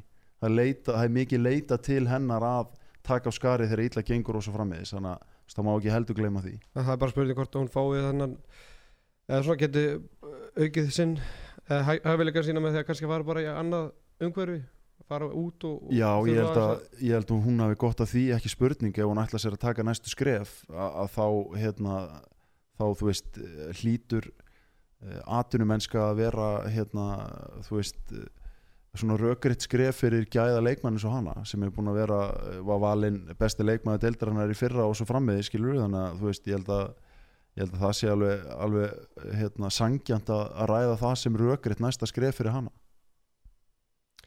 Já, ég held að við þurfum ekki að tala meira um, um framliðið hún ætla bara, valin, er bara frábæri leikmenn. Hún ætla að fá unnu ómars þarna. Hún ætla að vara ólétt í, í fyrra og Það tekur vantalega smá tíma fyrir hann að komast í Já, já, klárlega, hún ætla að sitt vera í besta stand. toppliði gróttu þegar það er verða Íslandsmestrar Þóri ætla að taka sér annað tífla hæra hotninu og talar hann um, um samvinnu millir markvæðar og hraðaflips og Þórir líklega að tala um Mari Ósk og Þóri Rósi í fyrra? Algjörlega. Nú er spurning hvernig Erla Rós hvað, hvað fá mikið af markværslu frá henni og hversu mark hraðaflip í, frá Þóri Rósi í kjölfarið? Já, ég meina Þóri er náttúrulega, þú veist, eh, ég talaði um Sigurbyrgu, ég meina, hérna, hann kannski ekki sangjað að nefna ekki Þóri í því samingi og hann náttúrulega jafn besti leikmaður sem leiðist líka í fyrra frábær, frábær slútari, eh, hérna, og ótrúlegur varnamaður líka, alltaf með sína 1 til 3 stólnu boltaða sem hún þykist var í skiptingun og allt þetta klassiska, bara, hérna, sem ég elska, þetta einfalda í leiknum sem að, hérna, oft ungi, ungi leikmenn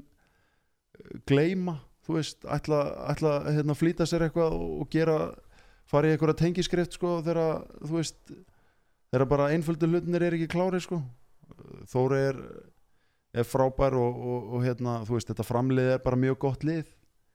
Þannig að þú veist, eins og ég segi annað, þú veist, sæti fyrsta sæti, þriða sæti þetta er náttúrulega bara veltur rosalega mikið á því hvaða leikmenn haldast heilir og, og, og hver er ekki sko.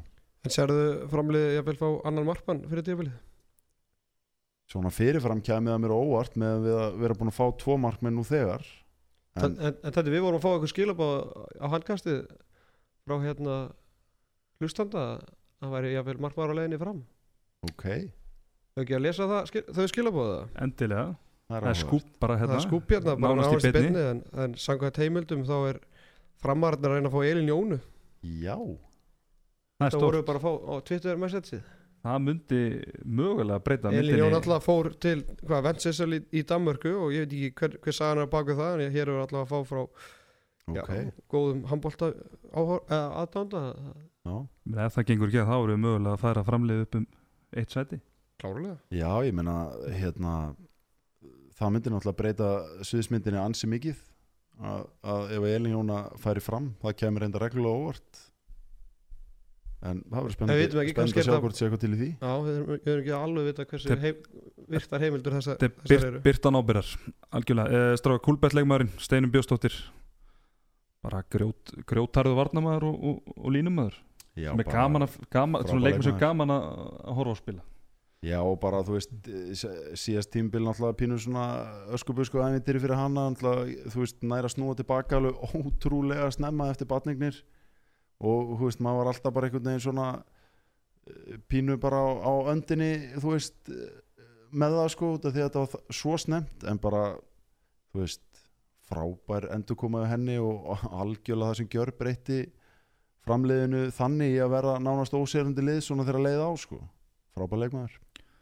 Álega heyrðu þá er komið að fyrsta setinu Heldur þurfum ekki að taka trómjörsláttin Ég held að glöggi hlustendur sé búin átt að segja á því að, að, að það er Valur sem við setjum hér í fyrsta setið uh, Örðu deildamestarar í fyrra og, og uh, töpuð í úslita einn við, við framum Íslandsmeistartitilinn Þjálfarinn er framsóknumæðurinn Hárprúði Ágústór Jóhansson uh, Það sem eru komnar það er Lóisa Tomsson frá Gróttu Sandra Ellisnóti frá IBVF Alína Molkova frá Vikingi Íris Björk Simonadóttir frá Gróttu og Kiyo Inage frá Japan. Og það sem eru farnar Díana Satko Sæte sem er hægt Lína Melvik Rípdal Óli Kristinn Þorsteinsdóttir Spinna Þorsteinsdóttir og Kristinn Guðmundsdóttir það eru tvær síðast nefndu eru hættar. Uh, sterkasta byrjunaliðið okkar maður Íris í markinu Inage í hóttunni vinstramein Lófisa vinstra í vinstri skiptunni Sandra á miðunni Díana Dögg hæramein Íris Ástæði hæra hóttinu og Anna Úrsula á línunni. Uh, Arnardæði Gusti vinnu minn, hann hefur bara mætt til stjórnar vals með ótvöldan tjekka og sagt ég ætla að smíða meistaralið. Já, klárlega, hann var hálsbreytt frá því í fyrra svona nokkuð það er alltaf verður deildamestari í fyrra þannig að það er þeir ljóta að stefna ennþá herra núna fara í, fara í úslitariminu mótið fram. Uh, breytingarnir eru nú töluverða samt sem áður uh, en leikmenn sem er að fá þetta er allt frábæri leikmenn. Uh, ég veit ekki hvar maður á að byrja ef kannski að byrja á Kíó í naki Kúlbett leikmanni Nei, hún er ekki kúlbett leikmaður vals en, en hún er leikmaður sem verður að fylgjast með. Þetta er eigikonar Júto í naki hægri hotnamanns vals í, kalla, í kallalegin en hún Það er er rosa mikið um svona pakkadíla í, í, í, í deildunum báðum. Við, við þurfum að taka það saman í einhverju þettinum og, og, skemmtilegu fítus Já, en hún er alltaf, hún kemur hérna bara gott sem frýtt til félagsins og það bjóst engi við neinu frá henni en hún er skruggu fljót og, og bara í þvílíku formi, alltaf lang fyrstu í öllum hlaupum og sprettum. Þannig að það verður gaman að fylgjast með henni. Íris Björk er alltaf að koma aftur eftir hérna bassegn og bassegn frí og bara frí frá handbólta, ég held að svona ekki spila hún í, í tvö tíðanbíl mm. hún er alltaf bara besti markmaður í deildinni þegar, þegar hún var upp á sitt besta og, og hún verður ekkert verri í, í ár. Uh, Alina Molkova hefur alltaf verið langmarkasti leikmaður fyrstdeildar síðustu tvö ár, eistneskur handbólta leikmaður hún er nú ekki fætt nema ég held að sé 98 mótel, þannig að hún er tvítu þráttur að hún sé búin að vera henni í tvö ár. Já, Sandar Erlingsdóttir og Lóisa Tómsson alltaf úlinga landslisleikmenn og bara verðandi landslismenn íslenska landslisins mhm. þannig að þetta er ekki smá leikmenn sem eru uh, komnir svo má ekki glemja því Íris Ásta Pétursdóttir er náttúrulega komin í hæra hotnið hún alltaf var ekkert með í fyrra þannig að hún er nánast nýr leikmaður. Anna Úrsula, má ekki segja það sama með, já, hún var með í að, kemur í betra, tölvöld betra standi núna vantarlega heldur hún í þannig að frá því í fyrra þá er þetta Díana Dögg sem er að byrja frá fyrsta leik. Já. með við sterkasta björnulið vals. Uh, leikmenn sem við erum ekki búin að nefna þarna er, er til dæmis Sjantil Pagel, varamarkmaðurinn frá Þýskalandi sem var stórkostlega á, á, í- á tíðanbili í fyrra. Ragnhildur Edda, landslis, ólíka landslis stelpa í vinstra hotninu, Morgan Mari Mhm. og dótið þjálfarans hún kom Já. Ástí Stóra, Víta Skitta og, hérna, og dóttir Gustaf Jó Já, var reyndar áhugaverð samkeppni þar sem að Sandra Erlings var, er, var og er frábær vítaskitt og klikkaði á alla víti og IBF í fyrra sko. Já, það er gaman að sjá hvort fær að, að taka fyrsta ég held nú að Ástís fá að taka fyrsta fyrsta Gustinu að þjólana síðan ætla er það með gerði Aribjörna hún var vist hægt en hún ætlar að taka slægin með þeim Hildur Björnsdóttir var alltaf ólétt í fyrra hún kemur líka línumöður þannig að þetta er ágættis breytt hann í, þessu valsliði þrátt fyrir að Díana Sarkarskæti er langt best að skýtta deildanar sé að farin lína Melviki Riptal markmaður er farin Þetta er náttúrulega langmesta breytin það er Það deg, segjast. deginu ljósara Já. og, hérna með að við hvað valsmenn er að setja í, í þetta og hvaða leikmenn hérna, valslið er að landa á leikmannamarkanum í sumar þá held ég að, að hérna, það sé bara meirin eðlilegt að spá þeim titlinum og enda hlýtur bara krafan að vera titill með við það. Algjörlega, þeir eru nýtt að þekkti báðir eh, Steppi og Gústi fyrir svona að tala niður væntingar. Þannig ég held að Gústi hann þakkar okkur vantilega ekki fyrir þetta en uh, En ég meina, er, það er eitthvað annað hægt áskjör Nei, ég meina, það er ekkert annað hægt. sjálfsög ekki og ég held að Gústi sé nú alveg með nógu breytt bak til þess að höndla það að hérna, hún sem spáð titlinum með þetta lið sko, þú veist, og hann segja eitthvað annað í viðtölum þá hérna, er enginn að segja mér annað en að hann gerir sér væntingar um að berjast um alla titla sem í bóði eru, annað væri vonbrið klálega eftir að vera grátlega narriðis í, í fyrra. Já, en þú veist auðvitað er náttúrulega pressa á fram sem mesturum þó að steppi náttúrulega hérna, muni matriða á, á mjög skemmtilegan hátt eins og alltaf að, að það sé ekki pressa á hans liði en sem er náttúrulega bara hérna, þú veist, árlegu fasti og bara alltaf gaman að því en, en þú veist, ég myndi samt segja með að við leikmannamarkaðin og, og, og breytin í hópnum að þá sé samt valur liði sem er undir pressu með að ná árangri. Það er samt ótrúlega að við erum að tala um svakaralt byrjulið og mikla breytt Mm. Samt eru fimm byrjulisleikmenn frá því fyrra farnir. Díana, Lína Melvik, Óla Kristján alltaf hægri hotnamæri fyrra Víti Spyrti vinstur hotnamæri, Kristín Guðmundsdóttir var alltaf svona varnar, miðjumar, slass, miðjumar já, já. Gerður Arbjörnar hefur ekkert eftir með liðinu núna. Hún alltaf var líkilmaður í vördinu fyrra þannig að tíðabili var þetta eins og sex byrjulismenn farnir. En samt eru að tala um þvílíka breytt og þvílík byrjulið Já, ég meina að samaskapi þá, þá hérna, þú veist, þó maður sé með einhverja yfirlýsingar hérna út af þessu liði skilur, þá maður samaskapi hérna, setur maður eitt lítið spurningamerki hann inn, þú veist, og það er náttúrulega eins og þú segir allar þessar breytingar, þannig að þú veist það þarf ekkit endilega að vera að loki deildamestaratitlinum samfarrandi þú veist, út af því að það gæti og mun alveg öruglega að taka einhver tíma að slípa liðið saman uh, og náttúrulega þó að Íris Björk sé frábær markmaður þá er svona spurning hvernig formið á henni verður framan af Þá tímbili er það reynda með Sjantel Reyndar. Já, það reyndar er hárétt og, og hérna hún er markmaður sem getur líka tekið 20 bolt í leik. Já, klárlega.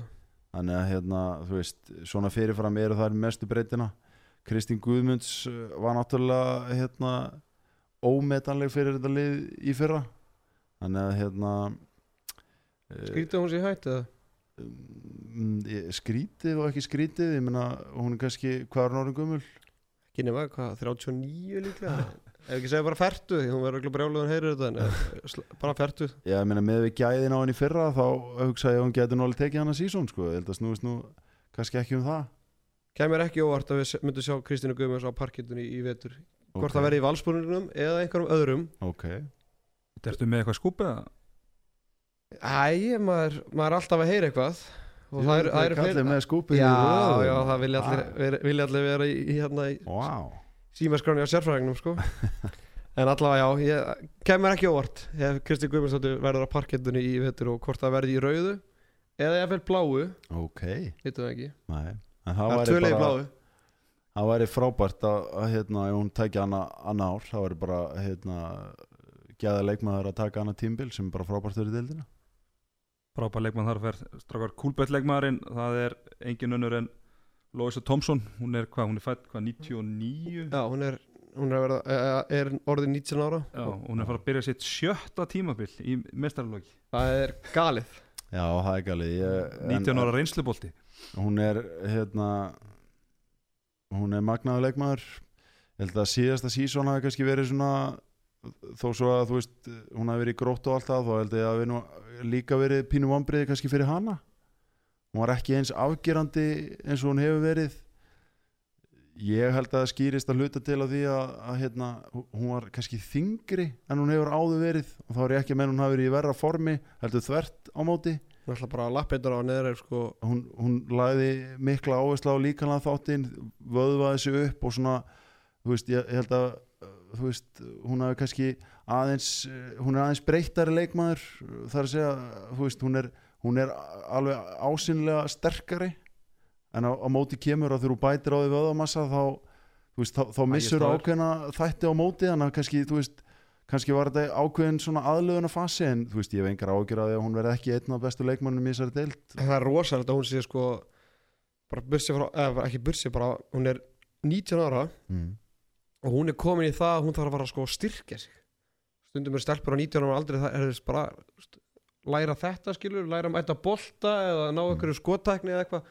Hún er löngu komið það sko. Já, hún er komið sko, á, sko ekki næsta level heldur sko þar næsta level já, í hugsunum sko um líkamlega eða svo atkver- atkverfi og Já, já, en þú veist, þess að segja ég, veist, ekki það að hún hafi eitthvað sérstaklega þurft að styrkja sig Nei, veist, hún er það fysisku leikmaður fyrir bara frá náttúruna hendi að veist, til þess að vera dominandi leikmaður hér heima þá þurft hún ekkit eitthvað að bæta endil á sig, ég held að sem meira bara hennar personlega metnaði sem íþróttamæður eina sem maður bara vonar er að hérna, veist, hún far ekki fram úr sér í því skiluru, þetta er langt tímabil og Og endi bara í kraftlýtingum já bara þú veist, eins og gerist ofta þegar hérna, ungi leikmenn sjá árangur á þessar liði íþróttarina líka þá þú veist getur það gerst að, að hérna, maður kannski fari fram úr sér í, í styrtar hlutanum þú veist eh, þetta eru, þetta eru löng og strempin tímabil og, og hérna veist, maður verður að passa sig líka að fara ekki í ofþjálfun og, og rugl sko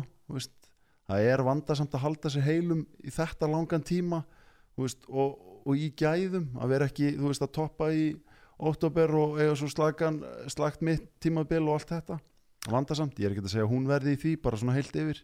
Það er ekki pínu synd að hún hafi verið í þessu gróttuliði fyrra? Þó hún sé ung og allt það hefðu ekki viljað sjá hún að taka það svona, sáu kannski flestir í hvað stemdi hjá grótti fyrra, hefðu ekki viljað sjá hún að fara í betra lið á síðast tímbli Jú, jú, bara svona sem handbólta unnandi hefði maður viljað sjá það. En fyrir hennar framþróun? Já, Svona þú veist, ég Þetta var erfið Þetta var erfitt tímbili fyrra. Það er svona held ég að, hérna, þú veist eh, og ég held að við Það líka var kannski ágætt að hún hafi tekið þá frekar liftingar og, og vera að styrkja sig því að ég get bara ímyndum að handbóltalega geði æfingar hjá grótti fyrir að voru ekki upp marga fiska. Nei, nei, og bara, þú veist, hún var náttúrulega bara í sérklassa í þessu liði. Og, og, og já, ég meina tímbili fyrir að, þú veist, vonbriði hún náttúrulega líka eitthvað meitt og, og allt það þú veist, þannig að ég held að, ég held að hún bara sé að fara, hérna væntalega, þú veist, með meiri tilökunin í tímbili núna heldur en kannski síðustu tvö árinu undan? En þú talar um áðan að mögulega út af breytingu þá kannski verður valur aðeins lengur að slípa sig. Mm. Gætur þú séð þá val jáfnvel ekkit vera deildamestari og, og jáfnvel hyggsta í á móti þessum toppliðum til að byrja með eins og haugum Já, þú veist IBVF IBVF er náttúrulega ekkert mikla breytingar og ef eitthvað er það er bara búin að styrkja sig. Þannig að eins og segir þetta getur orðið púslaspil hjá Gústa Jó kannski fyrir ármót Já, þú veist, ég, ég, ég ætla ekki að ganga svo langt, langt að halda þið fram að verði þannig, þú veist, ef það myndi gerast, fattar þú þá, eh, þú veist, v- væri það ekkert einhver heimsins mesti sjokkar, sko, veist, ekki þannig sé frekar en fyrir nokkurt af þessum liðum, þú veist, eitthvað af þessum fjórum, topp fjórum sem búið að spá verður hyggstandi í byrjun, fattar þú, að öllum líkindum. Já, og svo frammiðis, þú veist, þetta er bara það klassíska eins og er alltaf í, í, í þessu, þú veist, það er ekki þetta að spá 100% fyrir um hvernig það verður. Þú veist, þess að segja, ég er bara að segja að það er ekki algjörlega, þú veist, bara eitthvað borlegjandi að valur verði þetta óstöðandi veldi bara eins og að smetla fingri þó þessu konum við fullt að góðum leikmunum, sko. Þú veist, ekki frekar heldur en að valur kalla, þú veist, hafi til dæmis átt að rúlla upp innan gæsalappa fram í fyrstu umferð fattiði, þetta er bara, það er alveg sama hvað gæða leikmenn út með, það tekur alltaf tíma að stilla saman strengi og búið til lið og ef þú ert að lánsamur að vera búin að því á undir, undirbúinstímbilinu þá bara, þú veist, geggjað. En það er svo langt frá að vera sjálfsagt. Algjörlega, herrustrákar ekki að renna það yfir spána í heilsinni að við setjum val í fyrsta seti fram í annað IBF í þriðja, Hauka í fjórða Stjörnun í fymta, Selfoss sjötta Háka sjönda og Káa Þór í áttunda. Ásker, ég ætla að byrja um að nefna mér tvö lið, annars vegar lið sem þú telur að líklegast til að hérna, líklegast til hástökkvari á þessu í, í spáni og svona það lið sem að líklegast til að, að droppa mest. Úf, það er eiginlega erfitt eins og ég segi, þú veist, þetta er þetta er hérna sex liða pakki. Ég held að hérna ég hef svo náttúrulega er svo langt frá að vera hlutlaus en ég náttúrulega hef trúið að hérna, bandalagskonari eftir að, að landa einum hérna einum titli sem að er, hefur verið byggðið eftir lengi. Þannig að ég held að þær gætu náði einn á dollu uh, ég bara hreinlega treysti mér ekki til þess að, að segja þú veist, hva, hvaða lið er að endilega fara að droppa niður. Veist, fyrir framliðið eh, þá, þá gætu þær verið undir væntingum ef að Steinun og Karin er ekki heilar í upphafi og markmannsmálun er ekki á hreinu veist, samanskapi ef það er rétt að þær er að fá Elinjónu veist, þá breytir það hansi miklu.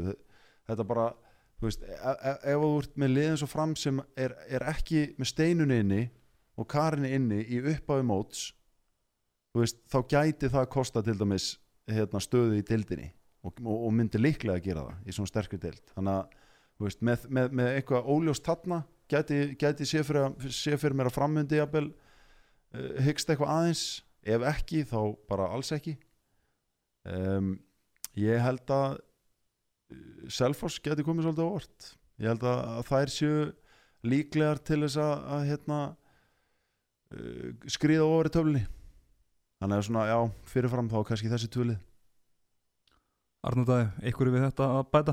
Nei, ég sammála. Ég, ég sé Selfoss í, í baráttunum við stjórnun og hauka um þetta fjórðarsætti og hérna eins og segjum, íbjöða með bara gott byrjarlið kannski ekki líkindu við valsbyrjarlið eins og við sjáum á, á, á skýslunni en ég er ansið hættur um að, að breytinni á eigarliðinu verði þeirra hausverku því miður og eins og ég sagði á hann þetta er svona enn aftur er það að fá liðstyrk er að fá eins og þeir voru að fá Karolín og, og Jenny á tíðanbili og svo er það að fá núna Ör- Örnu og, og hérna Sunnu en á samanskapi þá er það alltaf að missa leikmenn ég hefði viljað sjá í eiginlega alveg svo í fyrra pluss Örnu og Sunnu. Þá hefði ég hendað mér kandidat í deildamestatitlun og fleiri titla. En ég held að þeir verði hann um kringu 3 og 4 setið. Selfoss getur farið upp ofar. Valur að fara að verða að perjast um, um deildamestatitlun Algjörlega, herriðu strákar, fyrsta umferðin hún hefst um uh, helgina. Með fjóru leikjum, það eru tvei leikir á, á lögadaginn, það er K.O. Þór Valur og IBF Stjarnan. Svo þriðudaginn eru tvei leikir Selfoss Fram og HK og Haukar. Uh, IBF Stjarnan, er það ekki svona mest djúsi leikurinn í þessari fyrstu umferð? Jú, ég held svona fyrirfram sé það sé það svolítið þannig sko.